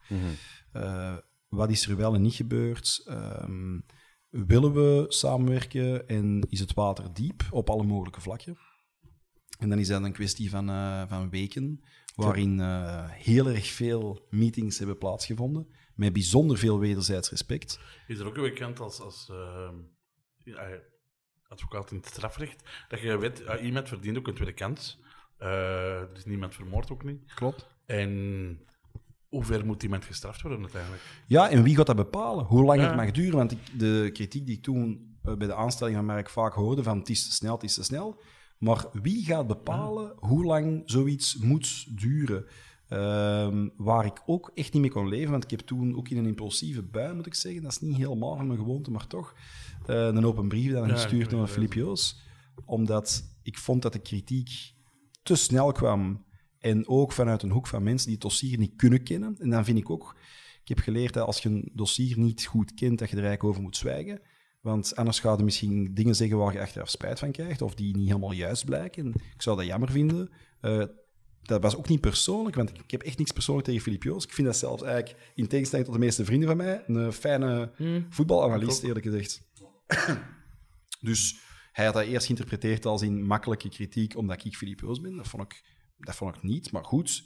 Het was een impulsieve open brief. Ik ben ook gewoon s morgens wakker geworden. Ik las een column. Ik heb echt gewoon mijn laptop gepakt. Ben beginnen typen. Ik heb dat de wereld ingestuurd, omdat dat even van mij af moest.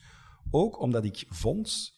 En dan heb ik het niet alleen over Filip Joos. Dan heb ik het vooral over de tendens die ontstond van ja, hij komt er te gemakkelijk vanaf. Hij tekent nu alweer een contract bij Antwerpen. Hij komt er te gemakkelijk vanaf. Die man, Ajax was zijn leven. Die heeft daar als speler en als eh, binnen het bestuur alles gewonnen wat je kon winnen bijna. Eh, Die heeft Ajax echt groot gemaakt en opnieuw groot gemaakt. Want als je ziet wat er sindsdien allemaal gebeurt, dan denk ik... Ik ga niet zeggen dat dat alles met Mark te maken heeft, maar volgens mij toch heel wat. Ehm, Ajax speelde bijna de finale van de Champions League. Dat is een Nederlandse club. Dat is ongeveer een competitie op niveau van ons. Laten we kat noemen. Als je dan bijna de finale van de Champions League eh, speelt. En die goal van Tottenham die kwam echt uit de lucht gevallen, hè, last minute. In Tottenham waren ze eigenlijk ook beter. Ze hebben Ronaldo uitgeschakeld met Juventus. Ze hebben, ze hebben een prachtig parcours gereden. Daar was het aandeel van Mark Overmars volgens mij gewoon bijzonder groot. En eh, ik vond de kritiek dan iets te gemakkelijk, want die man die moest de club van zijn hart achterlaten. Die werd eh, gewoon weggehoond. Die werd geviseerd door alle mogelijke journaaien. Eh, iedereen was zijn proces aan het maken en het had niks meer met de realiteit eh, van zien. En dan hebben we die persconferentie gehad. Ehm, ja, jullie hebben gezien wat daar gezegd is en, en hoe dat verlopen is. Eh, ik, ik was die een dag aan het verhuizen, privé dan, van mijn privéwoonst van Berchem eh aan het verhuizen. En ik had ook, normaal gezien was dat die een dag niet, die persconferentie, die is een beetje vervroegd, omdat eh, anders het nieuws misschien al zou uitlekken. En dat zou niet fijn zijn als je dat zelf niet kunt Ja. uitbrengen natuurlijk. Dus ze zijn vervroegd geworden, ze kan misschien iets te vroeg. Er is al veel over gezegd en geschreven. Maar dat was gewoon een beetje een valse start. Ehm, maar iedereen die dat uiteindelijk rond tafel zat met Mark vanaf het eerste uur, had er wel vertrouwen in dat hij de man was die dat we nodig hebben om de club opnieuw op een gezonde manier naar successen te loodsen. Naar titels, naar bekers, naar Champions League. En het is heel snel gelukt. En je moet daar soms ook een beetje geluk bij hebben, want het is... Ik durf niet zeggen, ook al ben ik eh, subjectief in Antwerpen, van, dat we vorig jaar noodzakelijkerwijze de strafste selectie hadden, spelers. Maar we hadden wel, denk ik, de beste ploeg als in de groepsgeest, de groepsdynamiek. En, ik heb het er straks al gezegd, ik heb mij flink vergist eh, toen ik Pirlo voorstelde, want ik had dat zelfs niet moeten doen. Mark van Bommel is wel een coach. Eh, ik vind hem persoonlijk de strafste coach die Antwerpen ooit heeft gehad in mijn leven.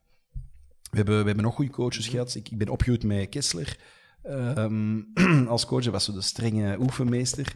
Eh, en we hebben nadien ook de, de charme van Fazekas vond ik fantastisch. Boot Laszlo Fazekas mogen we ook echt niet vergeten. En we hebben nadien nog eh Regie van Akker, noem maar. U kent ze even als ik. We hebben, we hebben toffe coaches gehad, goede coaches gehad. Maar Mark van Bommel is wel, vind ik, ehm, een man die dat, wat mij betreft, als coach gemaakt is voor de absolute wereldtop. Ja, dat is ook klasse, stijl. Communicatie. Alle communicatie. Motivatie. rust, eh, ja. Ja, eh, kleine, kleine dingen met, met, met de, met de refs Humor, die is ook humor. Ja, ja. Dat doet zoveel in communicatie. Het is gewoon een klasbak. Ja. Het is gewoon een klasbak. Eh, ik heb hem dan nadien ook persoonlijk leren kennen. We zijn samen hapje gaan eten. Ehm, dat is gewoon een hele fijne vent die ook geen komedie speelt. Dat is een man eh, voor de camera of naast de camera. Die is altijd Mark van Bommel. En dat apprecieer ik wel Ik in heb mensen. de, de avond van de kampioenenviering, eh, de, dat we kampioen waren, op de Bosuil ontmoet. Je kent mij van geen haar, hè. ik liep er ook met een hele rare hoed rond en zo. Eh, ik was binnengelaten door de Davino. Ehm, ik wou er gewoon eigenlijk dankjewel tegen gaan zeggen. En die begon gewoon over zijn tactiek. en ik heb daar een half uur tactische bespreking mee gehouden. Zalig. En Ja, dan maar zo is. Fuck, hoe graaf is dit? Ja, maar die, die past echt ook Ja. echt goed bij onze club, vind ik. Die, die heeft geen capsones. Die, eh, what you see is what you, what you get. En hij presteert ook.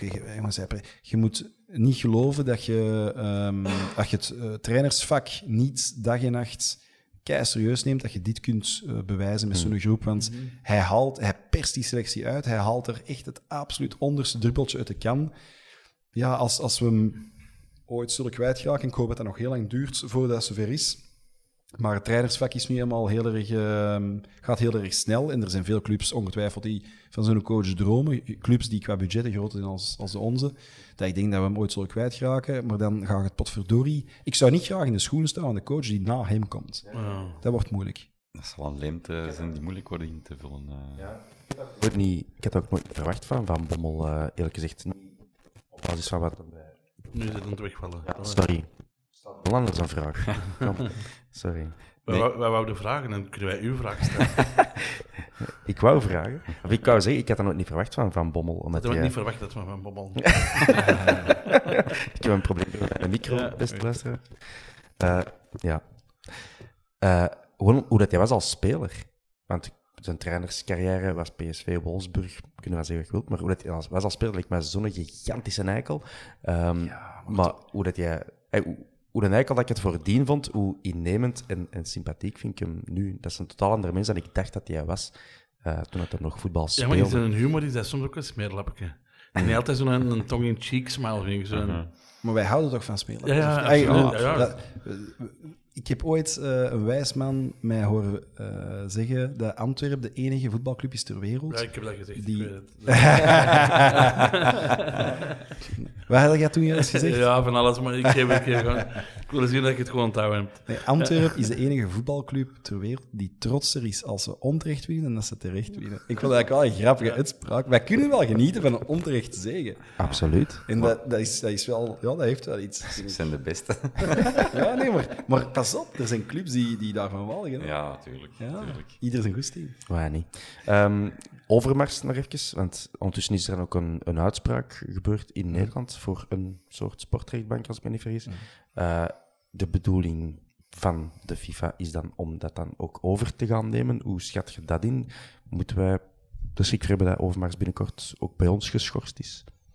Ik denk dat ehm, het enige dat telt aan die vraag, of het antwoord op die vraag, is of wij vanuit Antwerpen, of, of Antwerpen, want ik spreek hier niet namens Antwerpen voor alle duidelijkheid, ik spreek hier als eh Omar Swidi, maar voor zover dat ik er eh, zicht op heb, denk ik niet dat qua praktische uitwerking wij daar veel van gaan merken. Ehm, ik denk niet dat dat ons stokken in de wielen gaat steken. Maar ik wil ook niet voor mijn beurt spreken, want er zijn nog gekke dingen gebeurd in Mhm. het eh, kader van eh, FIFA-uitspraken en reglementering en, en rechtspraak. Dus we gaan er niet vooruit op lopen. Dat zal blijken. Dat dossier wordt bestudeerd trouwens niet door mij. Ik ben daar niet bij betrokken. Maar ik denk dat dat... eh, Is hij na zijn hartaanval, het, eh, het was een hartaanval, Ja. eh, nog altijd even intens bezig? Of die is toch... Mark is, is een workaholic. Ehm, die is dag en nacht eigenlijk met voetbal bezig. Eh, maar je mag niet onderschatten wat er gebeurd is. Ja, dat is wel, dat is wel stevig binnengekomen.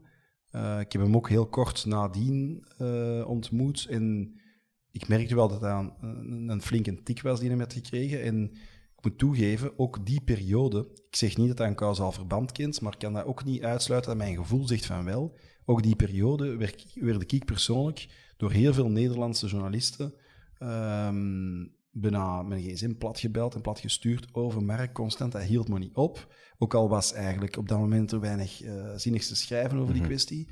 En ik denk dat mensen en ook journalisten niet mogen onderschatten wat dat doet met een mens om voortdurend opgejaagd te worden. En zelfs als je je eigen wijs maakt dat dat wel van u afglijdt als water van een eend, dan nog doet dat iets met je psyche dat soms uw lichaam eh, kortsluiting doet Ja. geven. En ik vrees, ik vrees dat, dat er echt wel ehm, dat er verantwoordelijkheid rust op mensen die hem opgejaagd hebben na wat er allemaal gebeurd is, geschreven is, gezegd is. En dat dat, dat misschien mee heeft veroorzaakt. Maar ik ben geen geneeskundige, ik ben geen deskundige arts. Eh, maar ik heb dat gevoel. En nadien eh, ja, moeten we het gewoon eigenlijk een beetje rustiger aan doen. Maar dat zit niet in Marx zijn DNA. Die, eh, dat is ook Maar in die, zo- in die functie kun je- kan dat ook niet, denk ik dan. dat is heel moeilijk, denk ik. Ja. Dat is echt wel een zware job, stresserende job. En je moet met zoveel dingen rekening houden. Maar wat ik zo charmant vond in eh, de persoon van Mark Overmars, dat is dat hij ook eigenlijk al in de eerste week dat hij aan de slag ging bij Antwerp, eh, boeken vroeg over eh, de clubcultuur, dat hem mij ook constant uitvroeg over... Ik had, ik had in mijn de boek dat ik ooit heb geschreven een klein hoofdstuk over Antwerpen, omdat het toch gewoon belangrijk is in mijn leven. En dat wou hem dan ook lezen, wat had hij dan gehoord. En, en eh, de documentaires die, werden, die verschenen zijn en zo. Hij wou alles weten over de club, ook over wat er naast het veld gebeurt, ook wat er bij de supporters leeft. Ja, dat, is, dat zijn gewoon indicaties dat je weet waar je mee bezig bent. Maar dat, dat wil ook wel zeggen dat als je dat er nog eens bij pakt, dat je heel erg veel hooi op je vork neemt. En ehm, dat is niet simpel, maar ik denk dat, ik denk dat hij Antwerp eh, dankbaar is voor de rijkende hand eh, Ja. wanneer hij het, het moeilijkst had in zijn leven. En ik denk dat hij dat nooit zal vergeten. Net als nu met zijn eh, medische situatie. Antwerpen is een club die hem eh, ten volle steunt. En dat zijn wel zaken die belangrijk zijn. Die bij ons club ook passen, vind ik. Wij laten in principe eigenlijk mensen nooit in de steek. eh, wat er ook gebeurt, en dat vind ik belangrijk. Ja, je kunt, daar, je kunt ook niet, geen sluitend antwoord op geven natuurlijk, maar in het voorjaar dan waren er dan ook zo roddels eh, rond de zomer. Even van Overmars zou naar Saudi-Arabië gaan, Van Bommel zou naar Saudi- Saudi-Arabië gaan. Ik had het gevoel gehad van, ja, Overmars, waarom zou jij naar, naar de, de woestijn gaan met zijn gezondheid, met zijn familiale situatie, met de zaken die er nog lopen enzovoort? Hoe voelde jij dat dan? Ja, ik denk dat er langs alle kanten interesse is in eh, mannen. Ja, met- dat, dat clubs geïnteresseerd zijn in het profiel van Overmars, dat geloof ik 100%. Je zou maar stom Ja. zijn om dat niet te doen. Maar vanuit de, het perspectief van Overmars... Ik denk dat wat er nadien is gebeurd, heeft aangetoond dat dat op, op die moment totaal niet in orde was. En dat die mannen professioneel bezig zijn met een project. En dat dat geen kerels zijn die dan eh, vroegtijdig het nest verlaten om, eh, om in bepaalde contraien wat geld te verdienen. Nee, ehm, je merkt dat ook wel, vind ik, aan... Mark Overmars geeft natuurlijk minder interviews dan Van Bommel, dat is logisch. Maar aan de interviews die gegeven worden, merk je gewoon dat die kerels in Deurne zijn neergestreken met een eh, heel duidelijk objectief voor ogen. Mhm. En het werk is nog niet af. Woont hij ook in België ondertussen? Ja, ja, al, Ja. al lang. Hè. Ja. Ja, ja. Ze denk wonen dat dat- allebei al lang. Ik denk dat dat ook een van de factoren is dat ze hun eigen eigenlijk in hun zes of op hun zes voelen. eh Het, het in matcht het gewoon. Het matcht eh, heel goed. Ze voelen ook vanuit de supporters heel veel respect. Ja. Pas op, het zijn ook emo-mensen hoor. Het zijn, het zijn gasten die met hun verstand werken, maar met hun hart ook durven denken. En de waardering van de, van de jongens, van de lads, dat, dat komt echt binnen bij die gasten. Die appreciëren dat enorm. En je mocht niet onderschatten hoe die wisselwerking op een prachtige manier ontstaat. Want er is respect van bovenaf, er is respect vanuit de tribunes. En als je ik heb ooit gesproken over een nostalgisch bad. Als je in een, in een, in een bad van rood-witte liefde belandt, we hebben het alle vier meegemaakt, eh, dat je in contact komt met Antwerpen en je denkt van potverdorie, dat doet iets met mij, dat is mijn club. Ook al zijn Mark van Bommel en Mark Overmars hier professioneel beland om uiteraard vanuit zakelijk oogpunt sportieve prestaties mee te helpen eh, lanceren, onderschat niet hoe die liefde voor Antwerpen gegroeid, die gewoon van uw leven Antwerpen nooit vergeten, wat er ook gebeurt. Hè. Antwerpen is voor hen echt, eh, zowel bij Overmars als bij Van Bommel, een gigantisch belangrijk component in hun leven geworden. Ja, Mooi, hè? ja ik vind dat fantastisch. ik, vind hè. Ja. ik, vind dat, ik vind dat echt een fantastisch verhaal. En wat ik ook dacht toen trouwens, het eerste dat ik dacht, toen dat George scoorde tegen Barcelona, dat was de penalty van Geoffrey Hermans. Ik meen dat. Ja, dat is zijn- begonnen, hè. Ik vind persoonlijk ook, ik heb het niet voor het zeggen, maar moest ik het voor het zeggen hebben, dan zou ik om de ene kant van het stadion een standbeeld eh, bouwen waarin Jofke net tegen de bal gaat trappen. En aan de andere kant hetzelfde van Toby. Eh, omdat ik vind dat we de, de mensen die ons dergelijke emoties bezo- bezorgen niet mogen vergeten. Maar zonder wat Paul Gijssen en Michael Gijssen en Rial hebben gedaan voor onze club, was dit ook niet mogelijk. Nee, dus ik vind eer aan wie eer toekomt. En respect moet naar de juiste mensen gaan. Maar dat is, dat is wel op als naast het veld. Ja. Ik kan de, de brubbels aanzetten van het warm nostalgisch bed. Doe. Eh, want Dat je misschien nog een beetje water aan het krijgen, hoor. Absoluut. Ja, ja. Dank je. Goeie podcast. Gron, vertel eens hem op. Jij- Dans, aapje, dans. Het typische cliché. van, Jij zit de comedie, vertel eens hem op. Ja. Nee, ehm, dus de, de, de brubbels van het warm nostalgisch bed. We zijn ongetwijfeld juist het hoogtepunt van on- eh, het ultieme hoogtepunt van onze clubgeschiedenis juist gepasseerd. Er staat een half state-of-the-art stadium, ehm, professionalisme troef. Maar wat is uw favoriete Antwerp tijdperk of era gedurende uw supporters bestaan? Dat is, dat is heel eh, dubbel, maar ik moet wel toegeven, ik denk dat dat ook menselijk is. Ehm, de eerste jaren waarin dat je verliefd wordt op je club of je club ontdekt, en in mijn geval was dat echt wel een tijd, Cisse Severijns, eh, Ronnie van Reti, Rudy Taimans, eh, Alexander Klak ook nog wel, die periode, dus ja, eind jaren 90. Ja. Ehm, dat is wel, ook al was het toen niet sportief wat we nu meemaken, dat is wel voor mij eh, waar het allemaal echt, echt begon. Ehm, die eerste kus er nog eens bij, maar goed, dat dat hebben we al gesproken. Eh, dus voor mij is dat wel ehm, nog altijd het hoogtepunt. Ik herinner mij dat ik, dat ik op mijn twaalf jaar eh, met school op, op skireis was of zoiets. En dat ik constant naar, naar thuisfront belde om van mijn broer te vernemen dat er toch niemand geblesseerd was geraakt op training en hoe het ging. Want het was toen een moeilijke periode in ons bestaan. Echt eind jaren fanatiek, 90. hè? Ja, echt wel. Echt, ja, tuurlijk, tuurlijk. Dat, dat, is, dat is gewoon... eh, een, dat is geen bijzaak in mijn leven, dat is een van de hoofdzaken. Als je hebt je hebt je gezin, je hebt je kinderen, je hebt eh, je job, maar de Antwerp is gewoon een van de hoofdzaken. Dus ehm, ik, vind, ik vind het fantastisch wat er nu gebeurt en wat ik ook mooi vind. Want je hebt dan uiteraard andere clubs, eh, wiens supporters dus wel op neerkijken en smalen toen van ja, dat gaat binnenkort toch veranderen of wat dan ook. Maar wat er ook gebeurt, en ik denk dat het nog wel even gaat duren, want het werk is nog niet af, dit pakken ze ons nooit meer af. Van, van het moment dat ehm, de Dekker overnam tot eh, de zege tegen Barcelona, die hele periode is eigenlijk een geweldige rollercoaster geweest. Want ook van de periode met Beleuni en zo geniet ik Ja, soms ja, absoluut. Ja, absoluut. Sorry, dat was niet het beste voetbal, maar ik genoot er ook wel Maar van. dat was plezant. Ja, Ja. Vooral het feit dat toen, ey, ten eerste, we waren terug. En ten tweede, heel België haatte ons, ons, omdat, omdat wij die allemaal lam legden. En, En, en wat, fantastisch. Ja. wat, wat, wat Beleuni, onze Roemeense tandarts, gedaan heeft, met alle respect, een zeer matige selectie. Ik weet niet of ze van de kampioenenploeg in tweede waren gewonnen, die selectie, want dat was echt niet, niet, de, niet de grote ploeg. Mm.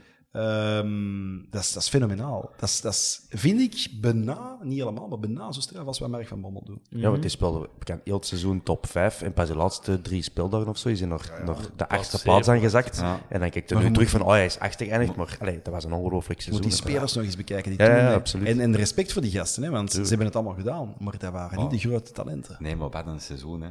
En als we ze niet lam legden en we kregen op ons doos... Ik pak Racing Genk thuis erbij. Ja, ja. We krijgen er ongelooflijk op ons doos. Heel die bos al die gewoon ja. staat te springen en te 3-5, zingen. dat was, Wat boeit ons, Racing nu? dat was ons, ons tweede thuismatch in eerste Ja, klasse. ja, Ja. dat was ongelooflijk. Dat is voor mij misschien nog wel een van, een van de beste herinneringen Ja, ja, van de voorbije dat is super, 30 jaar. Ook eh, van mijn eh, perspectief dan. Waar je als persverantwoordelijke... Ja, de tribune 1 was nog... was maar een, een, een hoopje beton op dat moment.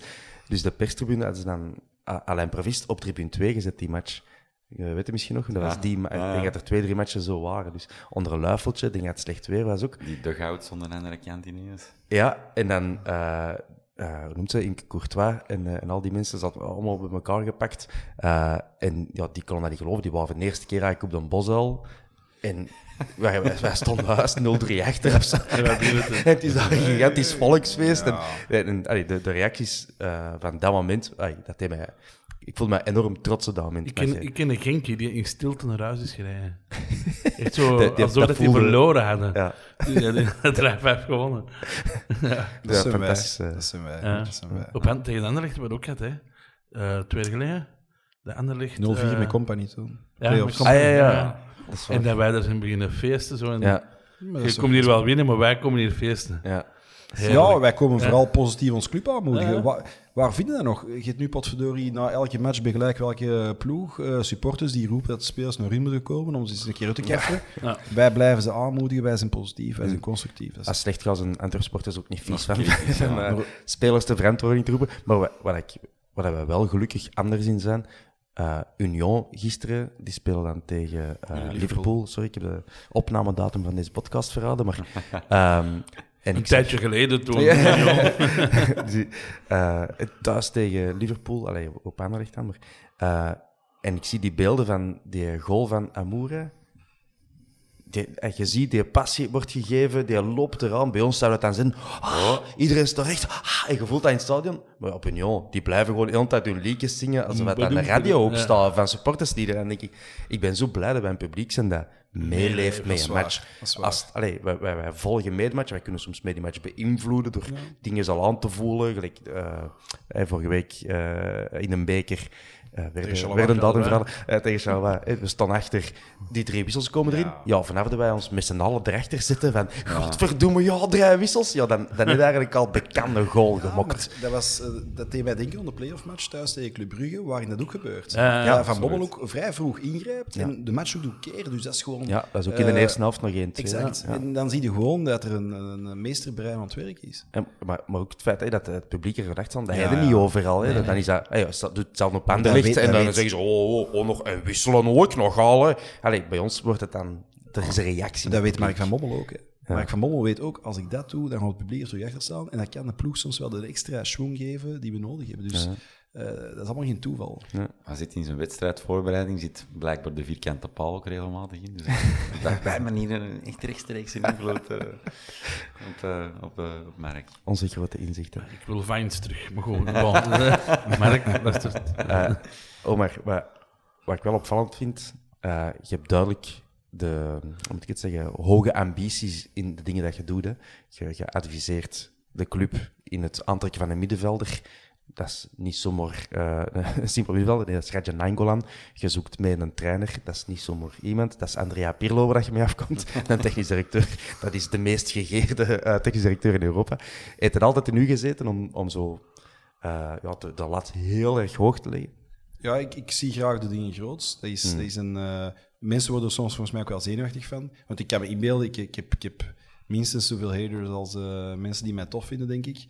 Ehm, en dat is ook omdat ik, omdat ik graag de dingen... Ik sta graag met ambitie in het leven. En dat was in de advocatuur zo toen wij begonnen. Mijn, ik, ik, ik stond op mijn eh, eerste stagejaar op Assise. eh, in een moordzaak, of in een uh, pogingmoordzaak. Ik heb na mijn stage meteen met mijn broer ons eigen advocaatkantoor geopend. Ik pak graag de dingen vast en ik, en ik wil graag vooruit gaan. En met alle respect voor, voor de minder getalenteerde voetballers, maar als je, als je alleen maar naar eh, matige voetballers kijkt, dan ga je geen progressie maken. En dan moeten soms... Wat ook niet wil zeggen dat de grote namen altijd voor de meerwaarde zorgen. Dat hebben we ook gezien met tal van voorbeelden van, van goede, goede namen die kwamen en die het niet hebben bewezen. Want hoe graag ik Reja ook heb, het is echt, eh, het is echt een kameraad geworden.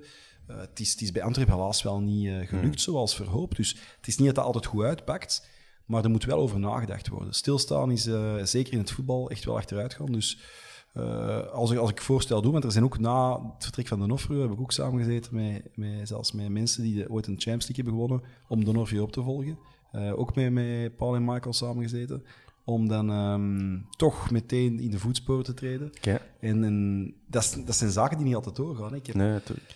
We, hebben, we hebben ook met, met spelers die recent eh, nog de Champions League finale hebben gespeeld, eh, samengezeten voor links en rechts wat te versterken in ons sportief compartiment. Dus je moet altijd, je moet altijd Ik vooruit ben nu echt het denken. Dat is hier een live topshot aan het worden. hè.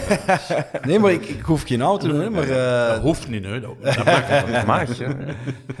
nee, maar je moet altijd eh, vooruit willen. Alleen, ik zeg het... ehm, Mag, mag ik dan ook vragen? Je moet niet de naam niet zeggen, maar eh, iemand die juist zo die finale heeft gespeeld, hoe kijken die naar Antwerpen? Als je dan vraagt, zijn die, hebben die daar interesse in? Hebben die zoiets van, wow, wow, dit Ja. is wel iets... Kennen die Antwerpen? Wel, eh, de, de speler die recent nog de Champions League finale had gespeeld, en die stond echt op een haar na. Het is eigenlijk een mirakel dat dat niet is doorgegaan. Echt een mirakel. Dus die had zeker interesse. Ja. En het lag niet aan, eh, aan ons dat het uiteindelijk niet is doorgegaan, of aan Antwerpen. Nee. Spannend. Spannend. Kun je Parazar eh, zo niks laten doen? Wow. Het dossier is niet doorgegaan, dus het heeft misschien ook niet al te veel zin. Alleen, eh, ja, ik vond dat op dat moment wel ongelooflijk jammer. Want ik, ik was er echt 99,9% zeker van dat hem, eh, dat hem zou tekenen. En ik zeg het zo goed als alles wat in kan en kruiken, maar dan gebeurt er soms nog iets onverwachts en dan ga ik toch niet. Ja. Oké. Oké. Ben, ben ook nog naar iets benieuwd. Ehm, wij is zo'n absolute cultheld voor u binnen Antwerpen van spelers Er door zijn, de jaren heen. er zijn er een paar, maar ik heb het er juist al verklapt dat... ehm, ik ben opgegroeid met Sevijns en Chernatinsky. Ik ben eh, echt de clubliefde gaan voelen het jaar dat wij eh promoveerden tegen Ingel Münster met Patje Goots. En Patje Goots is gewoon de verpersoonlijking. Ik heb, hem ook, ooit, ik heb hem ook ooit vervloekt, zo, want ik heb hem ooit in een eindronde in de tweede klas met Turnhout zien scoren tegen ons. Eh, en dat vond ik toen echt verschrikkelijk. Maar die maakte zoveel doelpunten, sensationeel. Ik herinner mij dat ik ooit, want we gingen dan, toen ik ehm, een jaar of 12, 13 was, gingen we in de zomer met ons moeder naar Blankenbergen. Een maandje Blankenbergen. Dat was voor mij feest, dat was het verste dat we gingen. Eh, en dan ben ik ooit teruggekomen omdat ik absoluut bij een wedstrijd Antwerpen PSV wou zijn. Dat was gewoon een voorbereidingswedstrijd. Maar dat was tegen het grote PSV met Ronald Waterreus op doel en zo. En Patje Goot scoorde toen ook. En ik was, ik was zo trots dat wij tegen die gasten die Champions League spelen eh, gewonnen zijn zelfs. Dat was een voorbereidingstoernooi. Eh, en Patje Goots was, was wat mij betreft wel de man. Eh, nu nog, ik vind dat nu nog, als ik hem ontmoet... Dat blijft eh, een- een dat toffe- bleef, ja. die, elke keer als ik die zie, ook op de bosuil, dat blijft mij een warm gevoel geven, want dat is instant eh, een teletijdmachine Ja. naar, naar die periode. En dat was gewoon ja, een, een heerlijke periode in mijn leven. Ik woonde eh, in de Arenawijk, eh, in, in sociale woonblokken. Wij, wij hadden echt niks buiten een versleten bal, maar ik was, fa- ik was super gelukkig. Juist op tijd herpakt. Ik was super gelukkig. En dat vergeten niet. En Patje God ziet er ook nog altijd hetzelfde uit, hetzelfde kapsel.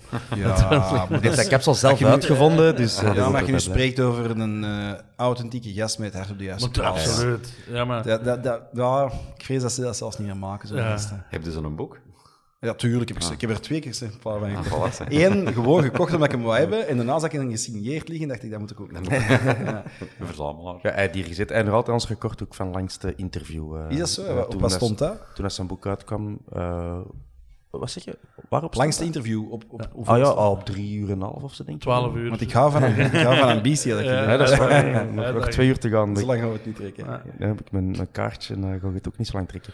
Ehm, ik kan, kan nog wat vragen van luisteraars boven halen. Cinnepien of Pijn, dat weet ik niet, op Instagram. Die vraagt, zijn er spelers bij uw makelaarskantoor nu die je ooit voor Antwerp ziet spelen? En dan bedoelt hij niet Van den Bos en Krasnitschi natuurlijk.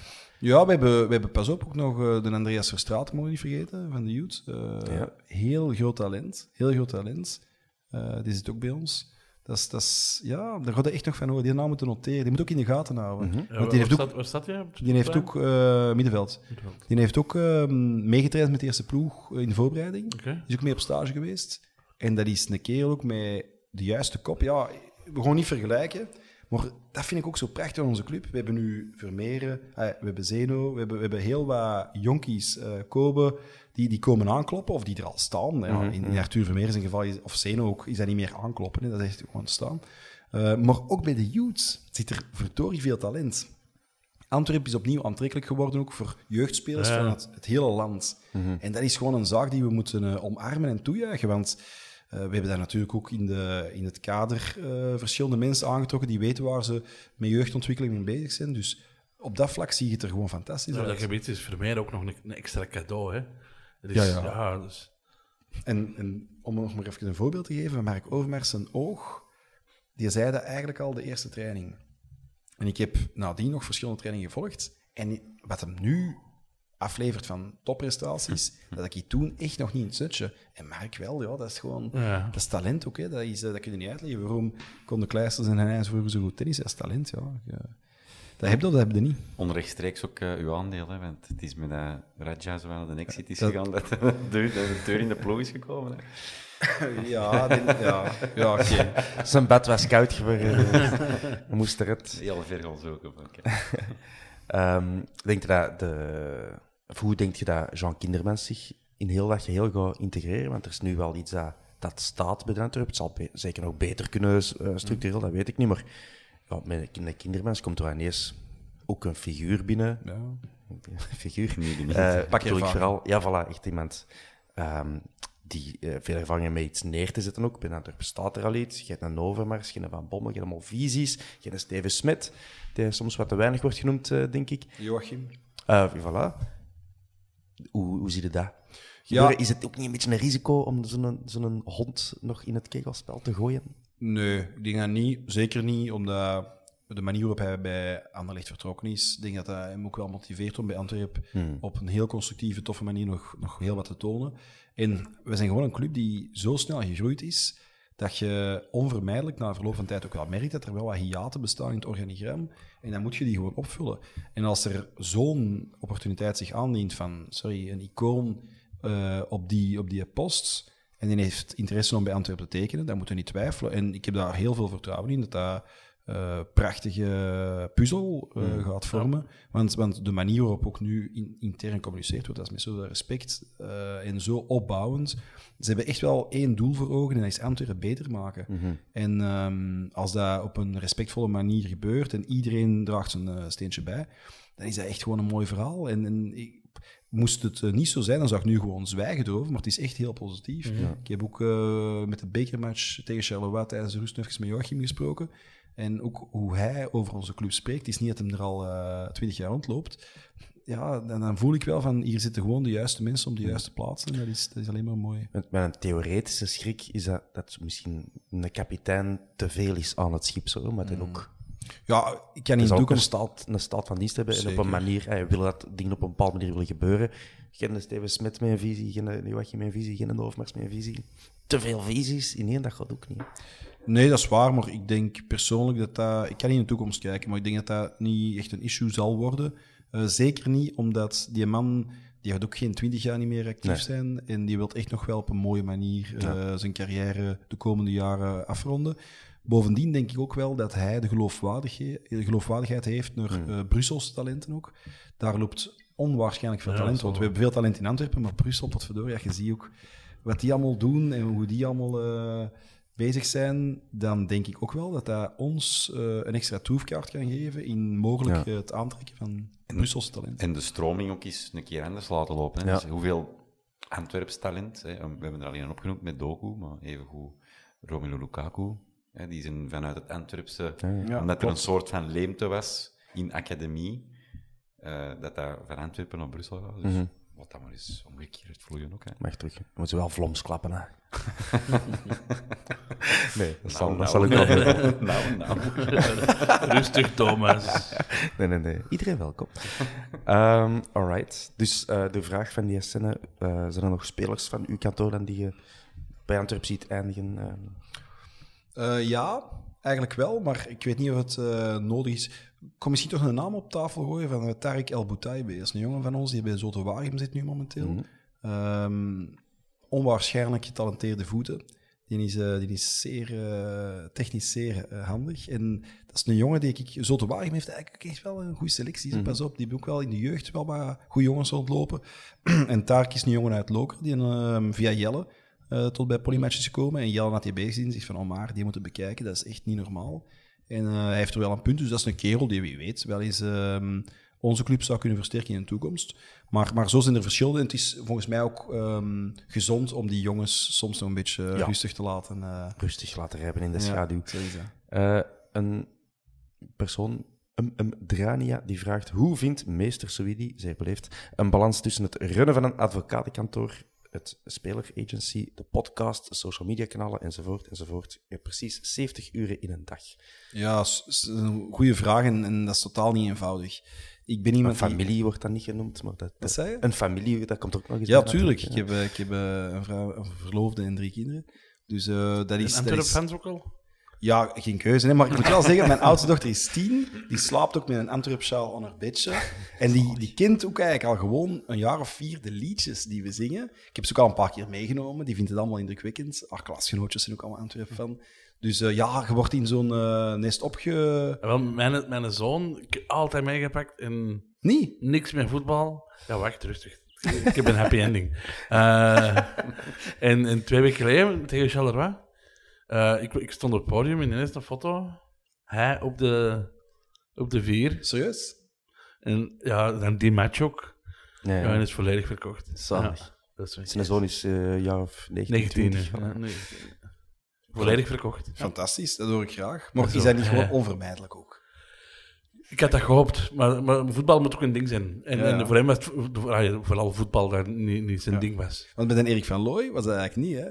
Eh, die zijn zoon was zo wat om tegenwerken en anti, en dan zo voor de andere ploeg aan het supporteren. Ik weet niet wat hij dat hier al eens heeft verteld, maar dat is eigenlijk wel een grappige anekdote. Ik denk dat wel. Ik denk dat hij dat op de podcast heeft gezegd. Of het kan nog erger, de Julien de Ridder, eh, jarenlang voorzitter van de FASC. eh, voilà. Het is een zoon, dat is ook... eh, Serieus? voor de gaan Ah, zitten. nee. Om contract Maar te dat, dat, heeft, dat heeft andere redenen, denk ik. Dat is gewoon om even eh, aandacht te krijgen. Ja, het heeft toch lang geduurd. Ik, weet, ik, weet, ik heb de Julien, Julien al lang niet meer gezien, maar dat heeft toch lang Maar ik vind ook geduurd. ieder zijn goesting. Hè. Als jij, als jij voor een andere ploeg wilt zijn, moet je maar je goesting. Ja. Eh, maar maar dus, dus- de dus, vraag ja. ja, over de balans. Nee, dat is, dat, is, dat, is, dat is de eeuwige uitdaging. En ik, ehm, ik heb dat, vind ik, lang slecht gedaan. Als in eh, mezelf wel roofbouw gepleegd op mijn lichaam. eh, misschien wat weinig geslapen. Of, of gewoon gedacht van, ehm, we regelen dat wel. We zijn, we zijn jong en we willen wat. Maar ehm, ik, heb, ik heb wel sinds enkele maanden heel duidelijke keuzes gemaakt qua agenda. En eh, nu ook, ik pleit enkel de zaken die, ik- die ik eh, zelf nog absoluut wil pleiten. Ik heb natuurlijk wel het geluk en het comfort van eh, een kantoor te hebben met verschillende advocaten die dat ook echt ongelooflijk straf doen en ehm, die dat ook graag doen. En, en nu is de variatie voor mij gewoon een, een heerlijk gevoel. Ik eh, kan mijn aandacht verdelen tussen het begeleiden van onze spelers, ehm, het pleiten van bepaalde dossiers nog en het eh, managen van artiesten. En dat is fijn. Maar daar komt natuurlijk ook heel veel werk bij kijken. Ja, dat vergeet wel nog eens, ja, die artiesten. Ja, tribune 2, niet vergeten. Ja, terug, terug, terug. Geronde die al. eh. Nee, wat voor artiesten dan? Goh, eh, dat gaat van, eh, van Nora Garib bijvoorbeeld, eh, tot, eh, tot eh, rappers, tot DJ's, tot eh, actrices. Belinda Mercedes van... Comedians? ik, heb geen- ik, heb, ik heb wel al een paar keer met een Alex en met Filip Keubels eh, een hapje gaan eten, maar eh, nee, nog geen comedians. Nee. Maar eh, we kunnen altijd eens praten. Een misschien. moeilijk raswij. hè.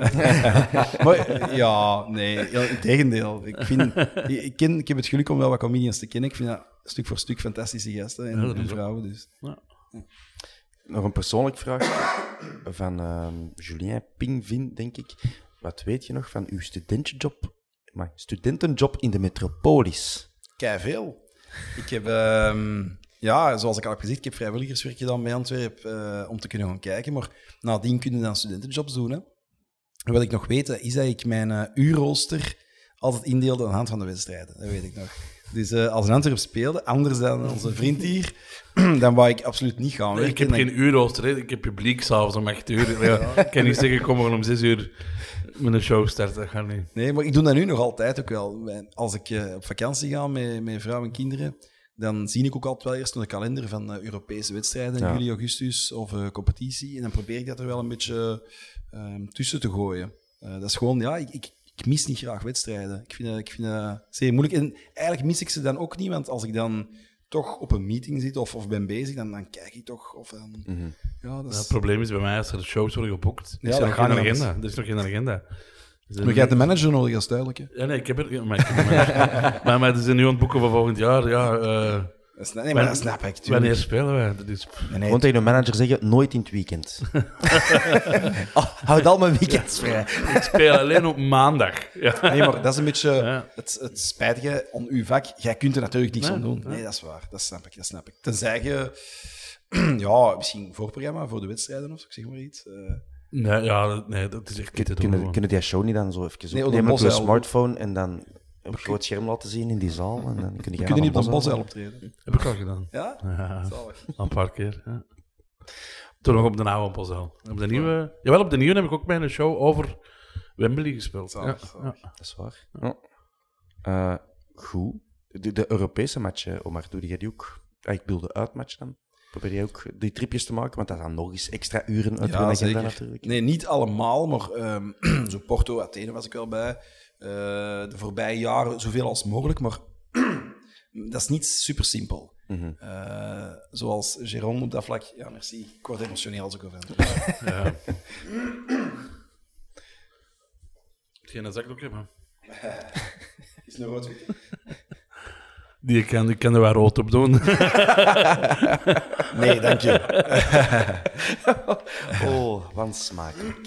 Dus ehm, de Europese wedstrijden probeer ik zoveel als mogelijk mee te pikken, maar dat is niet altijd eh, even simpel qua agenda, maar zoveel als mogelijk. En als ik er niet bij kan zijn, dan kijk ik altijd wel. Ja. Zie je hier nog niet op je lijstje staan?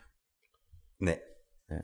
Jij wou toch iets zeggen? Ja, ik pak gewoon verlof voor de Europese match. En, eh, dat is eh, het eh, Maar je gelijk. voordeel voor eh, niet voor mijn eigen te werken en dan iets meer. Dat zijn ook altijd leuke tripjes, toch? Absoluut. Ik vond Athene ook heel tof dit jaar. Ja, dat is degene dat ik heb gemist, helaas. Oei. Want ik vind, ik vind ook wel Europese tripjes extra pigment krijgen. Ik was in Pilsen. Ja. Dat is do or die. Pilsen In top. Athene hetzelfde. Ik vind van die Europese verplaatsingen waar het alles of niks is, dat vind ik fantastisch. Ja. Daar geniet ik van. Dat, dat is. Maar zelfs die minder do or die waren.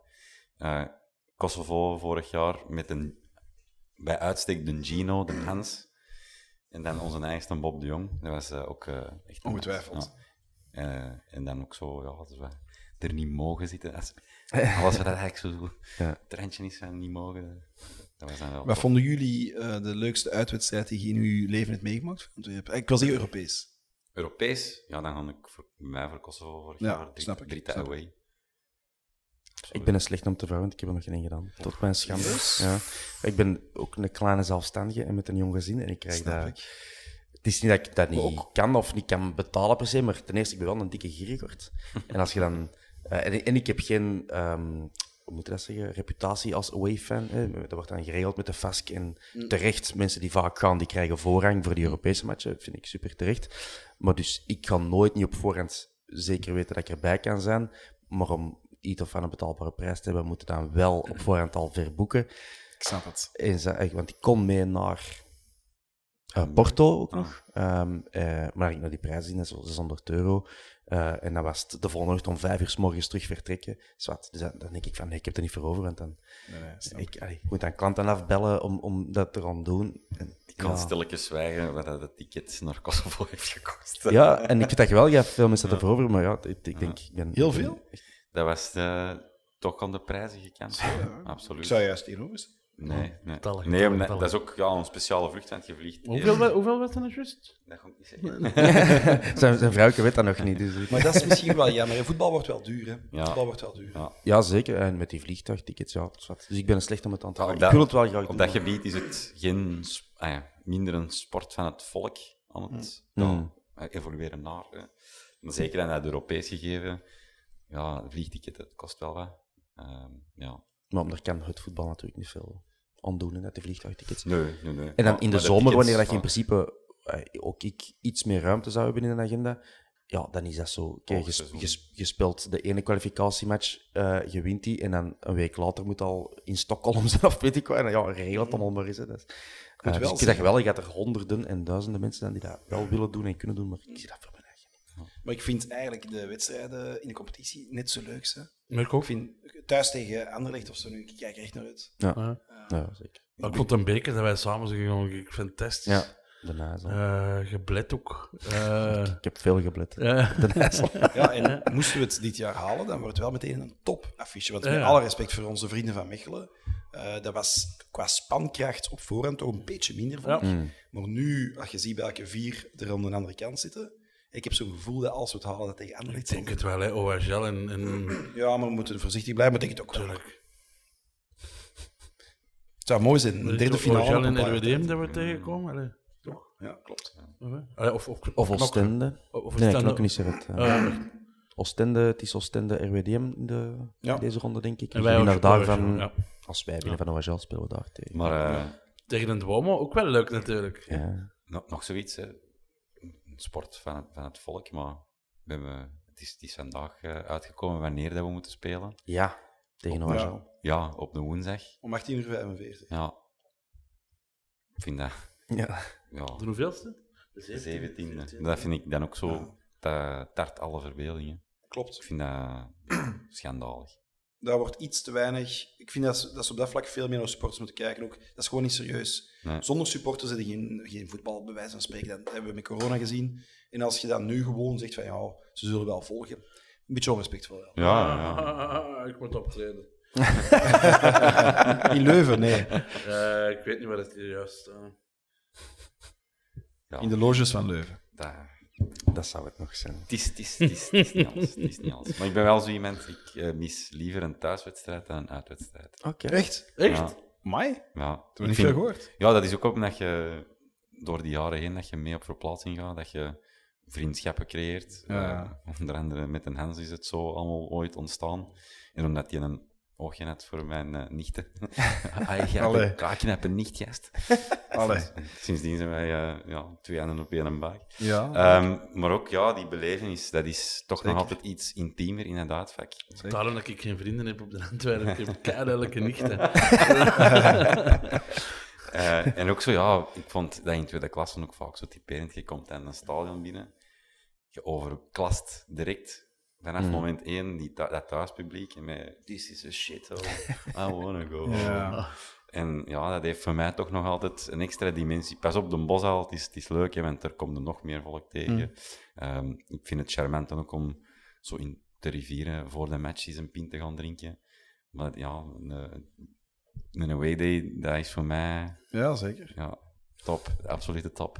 Toen ik een jaar of 12, 13 was, zat ook in tweede klasse. En dan weet ik nog dat ik met de bus van Bisschoppenhof meeging naar, eh, met de Vonnen en zo toen. Ja. Naar eh Capelle en naar Disselsport en zo. Ik vond dat wel ook inderdaad heel leuk. Dat is toch een beetje op reis, toch? Met je vrienden. En met wie ging dit dan? Hè? Want 12, 13 jaar, dat ging dat bij je vader of zo? Nee, nee, helemaal niet. Ik had zo een paar vrienden. De Kevin van Durmen, ook nog een Antwerp van nu altijd. De, de Bowie, de, de Kevin Hellemans zat er ook tussen. Allemaal zo- zo'n kliksje van jonge gasten die dan met de bus aan Bisschop- Bisschoppenhof meegingen. En dan, ehm, ik weet nog... Ja, we hebben veel meegemaakt. Hè. Dat kan niet heel lang duren als. Maar eh, toen dat ik... eh, Jij wilt dat record halen, hè? De lat, de lat altijd Twee fiets even over aan Nee, nee, maar ik weet nog dat, ehm kleine anekdote, toen ik, denk een jaar of 12, 13 was, dan gingen we met tram 24 van Deurne-Zuid naar het Astridplein. Dan pakten we daar tram 10 naar Deurne-Noord, de match zien. Ik heb met mijn maat, die in de straat woonde, Kevin van Durmen, misschien luistert hij wel. En dan gingen we daarna ook terug met een tram. En die was ter hoogte van het de Koningplein. eh, was er een pannen of zoiets, moesten we uitstappen. En dan gingen we door, we waren zo even verloren gelopen, door de lange winkel Haakstraat. Ja. En toen zaten er nog dames eh, van de betaalde liefde. Ehm, en ik was toen 12 jaar en dacht van ja, oké, dat is hier wel een heel speciaal derde time. Ehm, dus ja, met Antwerpen komt op plaatsen. Ja, dat is zo. Absoluut. En dat is ook soms wel nu het jammeren van, van dat enkel combi's. Want vroeger kwam dat effectief nog op die plaatsen. Je kwam eens, Ja. ik weet nog vroeger, eh, KSK Heist. Dan kwam de, eh, op, op plein, Café het Plein. Ja, dat, dat was geweldig. Het was goed weer. En dan daarna in het zonnetje rustig naar dat sportstadion wandelen. Ja. Dat waren de schermes. In Westerlo, eh, naar, eh, hoe heet dat, Toeveke. Ah, voilà. Een, vlierenfluiter drinken, een lokaal trippeltje. Ja. Ik hoop echt dat dat wel ooit gaat terugkomen. Ja, Dat in het buitenland kan dat. Ja, maar die combi-regeling, ik vind dat ook iets dat veel te gemakkelijk zomaar aanvaard wordt. Dat is niet altijd nodig. Nee. Maar dat wordt wel eigenlijk altijd opgelegd, zonder eh, dialoog. Zonder... Eh, ik vind ook wel dat als je ziet hoe wij bijvoorbeeld op Union eh bijna verbroederen met die, met die gasten, wij, zijn niet de slechtste of de kwaaiste. In sommige wedstrijden moeten we dat uiteraard niet doen. Maar er zijn veel wedstrijden, denkbaar, waar dat perfect moet kunnen. En dat is, dat is spijtig dat men er zelfs niet over nadenkt. Nee, dat vond ik een leuke aan Hamburg. Je wandelt daar rondom het stadion, rot, vrij, zonder afgeschermde zones, ehm, met een glazen fles Becks in je wand. Ehm, ja, dat kan er allemaal. En krammetjes rond het stadion en er creëren zo wat groepjes en sfeer. En ja, dat mis ik dan wel zo aan, aan het voetbalbelevenis eh, in, in, in, in België. Dat is misschien ook wel natuurlijk omdat eh, Donetsk niet daar thuis speelt. Maar in Pilsen was dat ook, vond ik. In Pilsen waren wij ook aan het verbroederen Ja. met de Tsjechen. En dat was eigenlijk geen enkel probleem. Nee, en, en zelfs, ja, Frankfurt is niet een- een goed voorbeeld misschien, maar daar zijn we eigenlijk ook redelijk vrij en losgelaten aan het stadion naar de ingang kunnen wandelen. Maar wij waren toen wel heel vroeg voor de, voor de wedstrijd eh, daar. Vond ik wel een degoutante, eh, vond ik wel een degoutante ploeg qua supporters. Ja, dat, dat is- dat, dat- dat heb ik nooit gezien, zoiets. Wat die daar in Deurne hebben gedaan, dat was gewoon Nee, die, onaanvaardbaar. die hebben ook wel een reputatie. ja. Ja. Dat heeft niks met voetbal te maken. Nee. Maar in Duitsland is dat, is dat altijd zo, denk ik, in de Bundesliga, dat die... eh, Dat het in principe zo mixt, zelfs in de Premier League. Ja, ik was een paar geleden naar Arsenal, Ja. Arsenal Huddersfield gaan zien. En dat was ook voor de match. Ja. Helemaal- Wat vinden jullie ervan als jullie zeg maar iets thuis tegen een andere Belgische topclub spelen en er zijn supporters van die ploeg die zich rondom jullie begeven? In Ik vind dat helemaal oké. Ja, ik, ik heb dat zelfs eigenlijk graag. Ehm, en ik heb met, met oude mannen ook gesproken, zeker toen ik Wembley maakte, die show, hoe dat vroeger tegen een beerschot was. Dat die naast elkaar zaten en, en verloorden jij, ja, dan eh, ging dat soms zo ver dat je garage paars werd, werd geschilderd en je moest er dan maar een half jaar op wachten totdat jij terug de ploeg van de stad weer. Maar dat waren dan pesterijen en dat ging dan op café verder van ja, oké, je bent aan voor een half jaar de pineut totdat we terugshotten. Dat vind ik, ja, heerlijk. Ehm, ja, ja, ik heb ook vrienden die, die binnen, binnen uh, Beerschot fan zijn. Waar dat je, en een Nigel Williams, dat is een zware rat. ja, wij komen overeen. Hè, en als wij backstage zitten, dat gaat hard, maar dat, dat blijft vriendschappelijk. Ja, ik vind dat echt spijtig dat dat niet kan. Doordat uh, een bepaalde agressie en kwaadheid bij een paar ja, minder begaafde mensen oproept, denk ik. Weet niet. Ik vind dat moet kunnen, maar stel dat dat op tribune 4 is, denk ik dat dat niet op zijn plaats is, maar zo de erentribune, dat daar misschien wel iets meer ruimte voor moet kunnen zijn. Uh, ja. Ik heb het gehad op de 1 dat we tegen Brugge speelden, dat we 2-2, Ruud Vormer de laatste minuut. Ik zat op de business, want wij waren toen uitgenodigd. En wij, wij stappen op boven. Um, echt allemaal mensen in kostuum. En uh, achter mij loopt er, zegt er een mens, ja, ze, we hebben nou verloren twee. En eruit een ander is eigenlijk om, ook in kostuum, gaat van Brugge of wat? en die krijgt daar een klets op zijn gezicht en denkt van, allee, Ja. dat is- Kom aan, dat is een zakenman die hier Ja. een tafeltje heeft geboekt. Die komt ook gewoon naar de match kijken, nog eens uitgenodigd. Ja, Ik vind dat het een beetje van afhangt misschien van de houding. Je moet ook niet provoceren. Eh, langs de andere kant, ik ben ooit bij Sta- op standaard. ik ken op Zulte. Ah, voilà. Echt. Ik had er in de businessclub gaan optreden. Die had al goed uitgelachen toen. Ehm, en ik was dan uitgenodigd om, om naar de match te kijken. Wij winnen 1-2. En ja, ik... Ja. En ja, direct jongen, een paar oude boeren van, van Zulte die op ons vlogen. En wij, wij moesten ineens af de tribune af. Ja. En we dachten, ja, maar wij zijn genodigden. Ehm, en wij mogen toch wel juichen als ons ploeg scoort. Dus, dat zouden we later ook doen. ja. Maar eh, dat, dat, dat passeerde dan niet. Ik heb ooit ook eens het omgekeerde gedaan. Ik ben eh, het laatste jaar van Leicester City in tweede klas gaan kijken met eh, een Engelse kameraad. En wij zijn in het uitvak gaan zitten omdat ja, King Power Stadium uitverkocht was voor de Leicester supporters. En ze waren zeker van hun kampioenschap. Richie de Laat die speelde er toen vast in de basis. En wij zijn in het uitvak tussen de Doncaster Rovers supporters gaan kijken. Wat dan ook nog ja, een heel speciaal scenario met zich meebracht.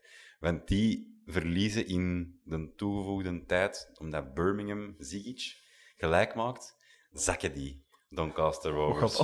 Dus die waren heel een tijd aan het zingen, we're staying up, we're staying up. Ehm, En ineens doodse stilte. En dan was wel van, oké, maar nu mogen we hier niet ja, veel te euforisch worden tussen dat volk die juist gezakt zijn. Dus dat was wel een speciaal Ja, situatie. cool. Ja, cool. Ja, ja, dat was eh, een leuke voetbalervaring. Ook nog een veldbestorming op King Power, dat was eh, de moeite. Ja. Ja. Ja.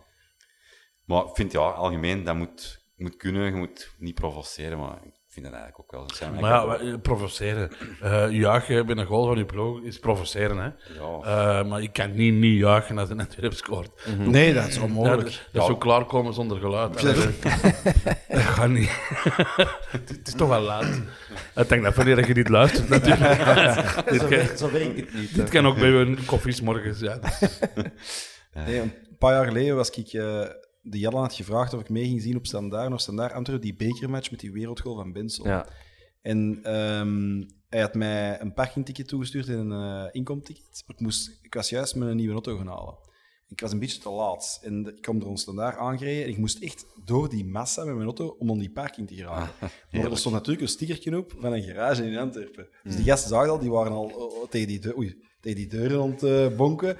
Eh, bier op mijn auto ontzetten en zo. Een beetje enfin, eh, baldadig gedrag.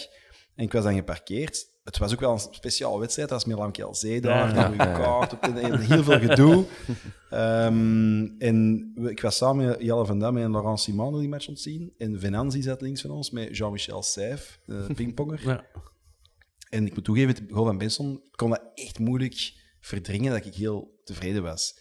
En Jean-Michel Seyf en Venanzi vonden dat echt zo tof. En die Jean-Michel Seyf die kwam echt op mij opgevlogen en neus om neus. Ik dacht, wat is dat hier nou?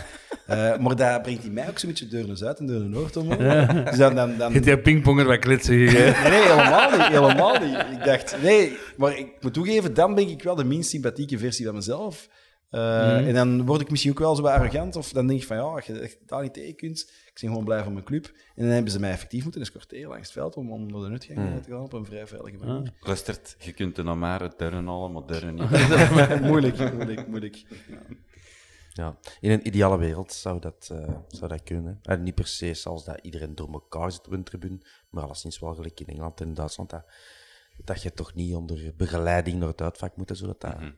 dat je buiten gewoon een pin kunt pakken. Want dat, ik ben in Charleroi, ik denk het jaar nog dat ik gestopt ben in 2017, uh, uitgenodigd door de Luc van Tillo, die er toen nog rondliep. Er waren plotjes over in de bestuursvakken. De Olympic Charleroi.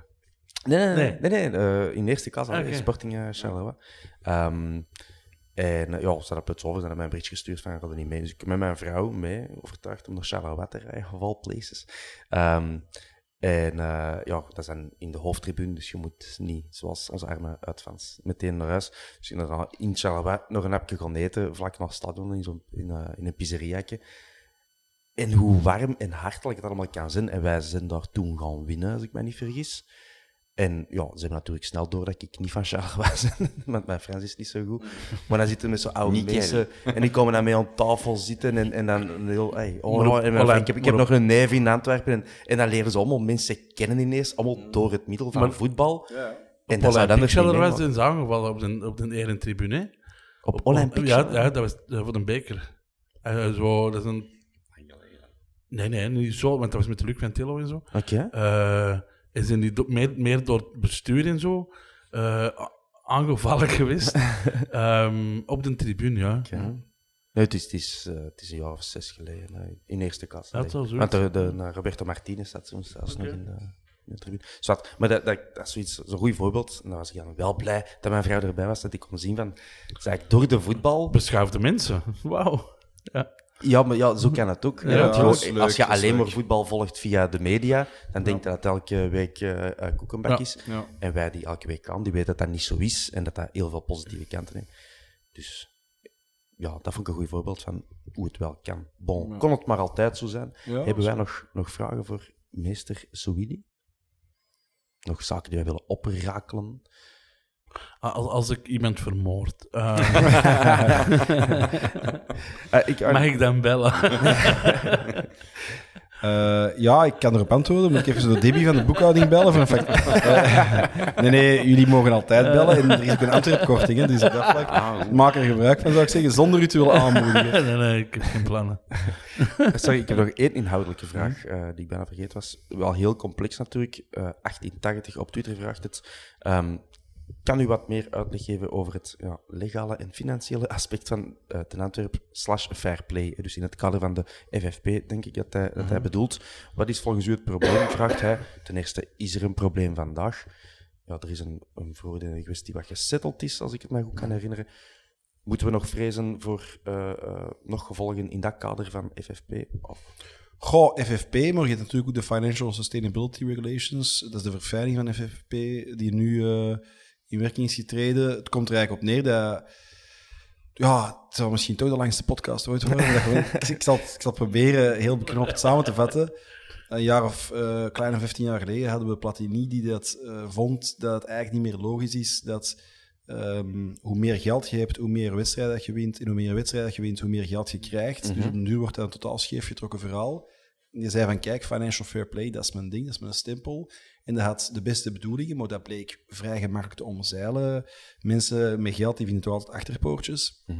En dan is dat een beetje verfijnd naar een situatie die vind ik persoonlijk op dit moment niet echt ten goede komt van de Belgische of Nederlandse clubs bijvoorbeeld. Want ze kijken naar ehm, solvabiliteit, ze kijken naar stabiliteit en ze kijken naar spelerskost.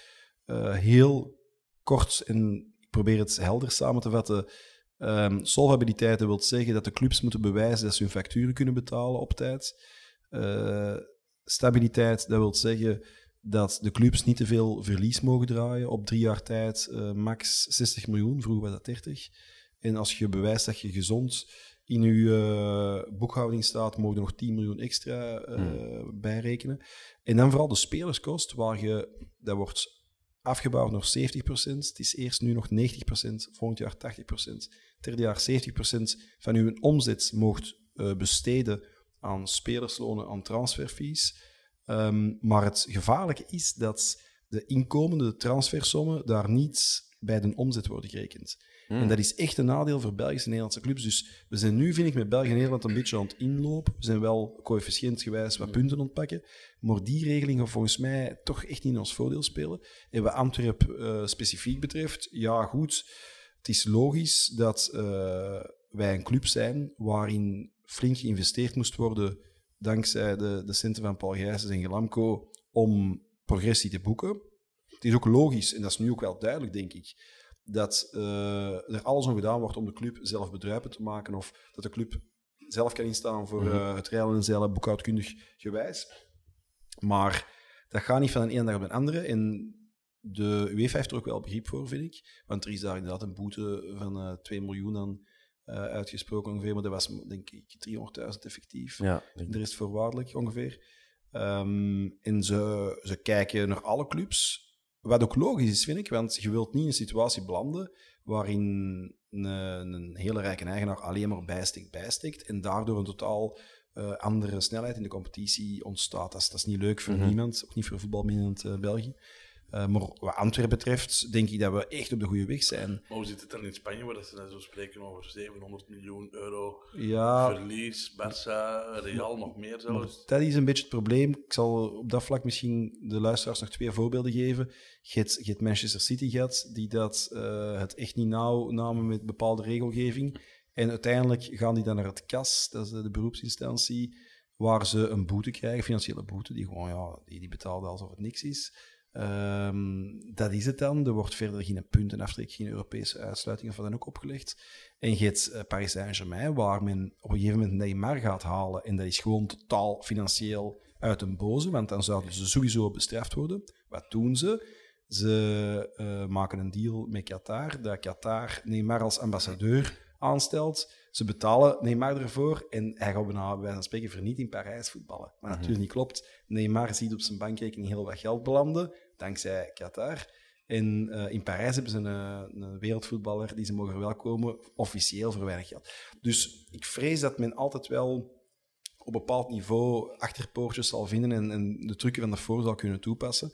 Antwerpen kiest daar niet voor, vind ik, want eh, ik denk dat we allemaal kroongetuigen zijn van het feit dat er echt wel, ook zien ze constant maar over, maar het is niet dat het geld uit ramen en deuren, deuren buiten vliegt, dat wij de ene na de andere een toptransfer realiseren. Zo- Zo'n jongen als Ayuk, eh, nu, ehm, dat is een jongen die volgens mij alle vier voor ons vrij onbekend was, maar die nu ook wel bewijst dat hem, eh, dat hem kan voetballen. En zo zijn er veel voorbeelden. Tegelijkertijd wordt er vanuit de jeugd eh, heel wat talent aangeboord. Dus ik denk dat we in Antwerpen een heel gezond verhaal aan het schrijven zijn. En ehm, er wordt hard gewerkt om die balansen allemaal in evenwicht te houden. Fair enough. Denk je dat die ehm, FFP nog lang gaat overleven in het algemeen? Want zoals gezegd, er worden voortdurend achterpootjes gevonden. Manchester City had 115 inbreuken of zoiets. Die komen er dan mee weg. Allee, in hun kader toch, gewoon met geldboete. En Everton, eh, eh, een paar maanden geleden, Ja, een maand die, die geleden. hadden dan, oh, een maand geleden, die hadden, ehm, eh, wat was het, een speler eh, hoger ingeschat en dan voor minder verkocht. En dan wordt die, bam, 10 punten aftrek. Dat is zo'n typisch verhaal van, ja, de kleintjes kunnen ze dan pakken en de grote ko- komen er allemaal weg. Dit is toch sowieso niet meer houdbaar op, eh, op Lang, langs geen kant. Ik denk dat de Financial Fair Play en de Financial Sustainability Regulations echt gestart zijn vanuit gezonde beweegredenen. Maar dat ze gewoon onderschat hebben hoe eh, voetballeiders eh, creatief kunnen nadenken en handelen om daar toch bepaalde zaken te omzeilen.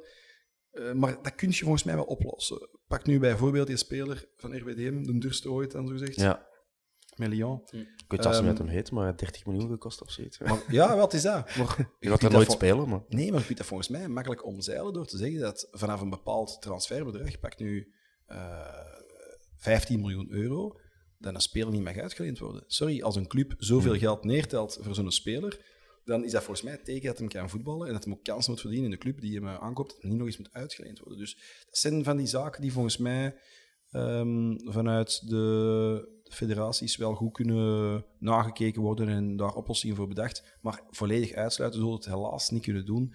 Het, is, het, is een, ehm, het is gelukkig voor ons vier nog echt een sport, maar het is voor veel mensen business. Ja. Ja, Dat- als je ziet bijvoorbeeld naar Lommel, Mm.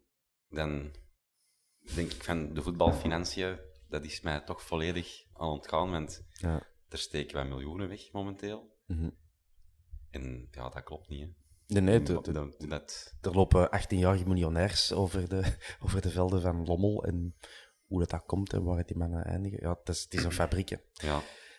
Daarop aansluitend, jij als ehm, advocaat en iemand met kennis van het recht, transfers in het algemeen. Ik vraag u om tegen uw winkel te spreken natuurlijk, als, als vertegenwoordiger van spelers.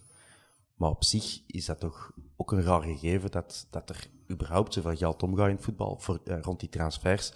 Terwijl in, de, in het Europese, eh, ik, ik- kan het niet juist benoemen, maar in principe is het toch in strijd met de, de vrijheid van beweging enzovoort. Eh, Goh ja, ehm, het is, het is eropvallend, het is een soort van aberratie dat al heel lang in stand wordt gehouden door iedereen die ermee te maken heeft. Maar dat kan toch op een dag ook gewoon doorprikt worden dat het gewoon gedaan is met de gigantische transferbedragen? Of Ik denk dat het alleen maar erger gaat worden. In die... Het voordeel is wel dat, dat makelaars er minder eh, eh, voordeel bij kunnen hebben Mhm. in bepaalde gevallen. Maar ik herinner mij toen nog een klein mannetje was, dat Faustino Asprilla, die Colombiaan, Ja. voor 330 miljoen Belgische frank getransfereerd werd naar Newcastle, denk ik. En ik dacht toen, van, oh, 33, 330 miljoen Belgische frank. Hoe is dat mogelijk? En nu is dat eigenlijk een jongen die naar Lommel gaat, bij wijze van spreken. Mhm. Ja. Dus het is wel uit de klauw gelopen. Eh, maar als je ziet hoeveel mensen wereldwijd ook betalen om voetbal te mogen zien, om eh, een decoder te kunnen eh, aanschaffen of, of een voetbalabonnement voor televisie, hoeveel sponsoren, reclameinkomsten, noem maar op, dan vind ik het bijna logisch dat er ook wel heel wat naar de spelers gaat en dat er in een transfer van speler X naar club, van club A naar club B, dat daar wel wat geld wordt neergeteld. Zeker ook nu je de injectie zet vanuit de woestijn. En dat zijn dan eh, rijke sheiks die dat hun, eh, hun olie eh, dirham, zal ik zeggen, in, eh, in het voetbal injecteren. Vaak ook in Europa, want die halen dan die spelers naar daar. Maar dat geld komt wel in Europa. En op zich, als dat goed besteed wordt, kan dat op zich nog wel een interessant verhaal worden, waarin een beetje meer gelijkheid ontstaat tussen de clubs. Dus het is niet al slecht, denk ik. En volgens mij is het onvermijdelijk en moeilijk terug te draaien. Zeker ook, want eh, ik kan niet blijven praten, maar ehm, eh, hou ook de Amerikaanse markt in de gaten. Amerika eh, is volgens mij het volgende grote voetballand. Zeker ook met het WK. Het Aziatische China, Japan. Amerika. Amerika. Ja? Het WK eh, vindt er plaats binnen, binnen een paar jaar. Ehm hou Amerika in de gaten als ik zie, want, want ik, ben, ik heb veel afwijkingen, maar New York is er één van. Ik ga heel graag naar New York. Ik vind dat een geweldige stad. Ik praat er ook heel veel met mensen uit het voetbal. Wat daar aan het gebeuren is, ze willen echt van soccer, ze willen de Super Bowl bij wijze van spreken nastreven, als in soccer zo populair maken. En als je ziet ook in het vrouwenvoetbal in Amerika hoe populair dat geworden is. Amerika is volgens mij op dat vlak echt de future. En dat gaat alleen nog maar voor meer geld zorgen in het voetbal. Dus Maar daar hebben ze een ander transfersysteem, hè? want daar, daar bedoelde ik op met mijn vraag. Mhm. in, in Europa. Dat is dat NBA-systeem zeker. wat je zo... Ja, maar dat, dat is ook iets dat gaat veranderen. Hè. Is dat Eh, zo? Ja, ja, er zijn ze ook nu heel erg flink... eh, In het voetbal of in het algemeen? In het voetbal. In het voetbal, ja, ja. Omdat ze vinden dat... Eigenlijk een beetje mee onder invloed van David Beckham, die dan met Miami bezig is, en Messi die er komt. En ze zijn aan het nadenken om, om het voetbal daar eh, interessanter te maken. En ze vinden dat dat systeem echt wel een rem heeft gezet. Dus ze proberen erover na te denken om dat systeem ook voor de echt te gaan wijzigen. Hmm. En ik denk dat dat gaat gebeuren. Want waar ik op doel is, in principe kan toch elke bediende of eh, een persoon met een eh, contract van tijdelijke duur zijn eigen contract afkopen door het de som neer te leggen waar zijn, zijn contract vertegenwoordigt. Ja, in het voetbal wordt dat, wordt dat gewoon zo genegeerd. Hè. De, als iemand dat doet, wet van 76, dan is dat een schande. 78. 78, sorry. Dan is dat een schande. Eh, maar in principe, die heeft juridisch altijd gelijk, die persoon. hè. Dus dat bedoel ik mee. Dat is, heel dat systeem zit erop wankele schroeven. Ja, dat klopt. Maar iedereen doet maar alsof het dat niet zo is. dat, Nee, dat is wat ik bedoel. dat is waar. iedereen Ja, doet maar van- België is in dat is waar eigenlijk, eigenlijk kan ik... Ah, ja, maar dat is over heel Europa toch zo. Eigenlijk, je zou perfect een speler kunnen gaan halen voor de waarde van zijn resterend contract. Maar dat wordt niet gedaan. Nee, in plaats van een miljoen gaat hij dan 80 miljoen kosten. En dat is alleen maar omdat, iedereen, omdat dat een cascadesysteem is. Maar dat niks zegt dat het over vijf jaar Nee, dat is, klopt, dat klopt. En je hebt nu ook de situatie in Rusland, zie je nu nog EU, zie je nog Ja. met eh, Annex. En het is heel technisch geworden. Dat is volgens mij ook eh, de reden waarom dat, ze de FIFA zeggen van we gaan er toch een klein beetje Hmm. ingrijpen. Oké. Maar je hebt op dat vlak geen schrik voor de, Nee, de eigenlijk toekomstige evoluties. Nee. Nee, eigenlijk niet. Ik, ik hoop gewoon dat, eh, dat de mooie volkse sport blijft die, Hmm. eh, waar we allemaal zo van houden. En dat daar bepaalde mensen heel veel geld aan verdienen, dat is denk ik onvermijdelijk. Maar dat hoeft de sport niet meteen te schaden of zo. Ik, ik geniet nog altijd even hard, nog misschien nog hel- zelfs harder, van Antwerpen eh, als voorheen. Dus nee, we hebben een prachtige club. We hebben het geluk, vind ik, om in deze contraille geboren te zijn en te mogen genieten van onze jongens. En of dat die namen nu Cisse Severijns, Patrick Goots of eh, Arthur Vermeeren zijn. Het is altijd Zeno leuk. van den Bos. Zeno van den Niet- Bos, ja, hè, een beetje eh, reclame maken. Heb je nog iets? Nee. Oké. Eh, dan rest mij alleen nog u te bedanken, meester Omar Souidi. Omar, Omar. Eh, en tot binnenkort op een bos al, neem ik aan. Zeker vast. Eh, wij komen graag ook eens op uw podcast. eh, Ja. Onze expertise duiden. eh. Meer dan welkom. Meer dan welkom. nee, nee. Ehm, merci en tot binnenkort. Come on,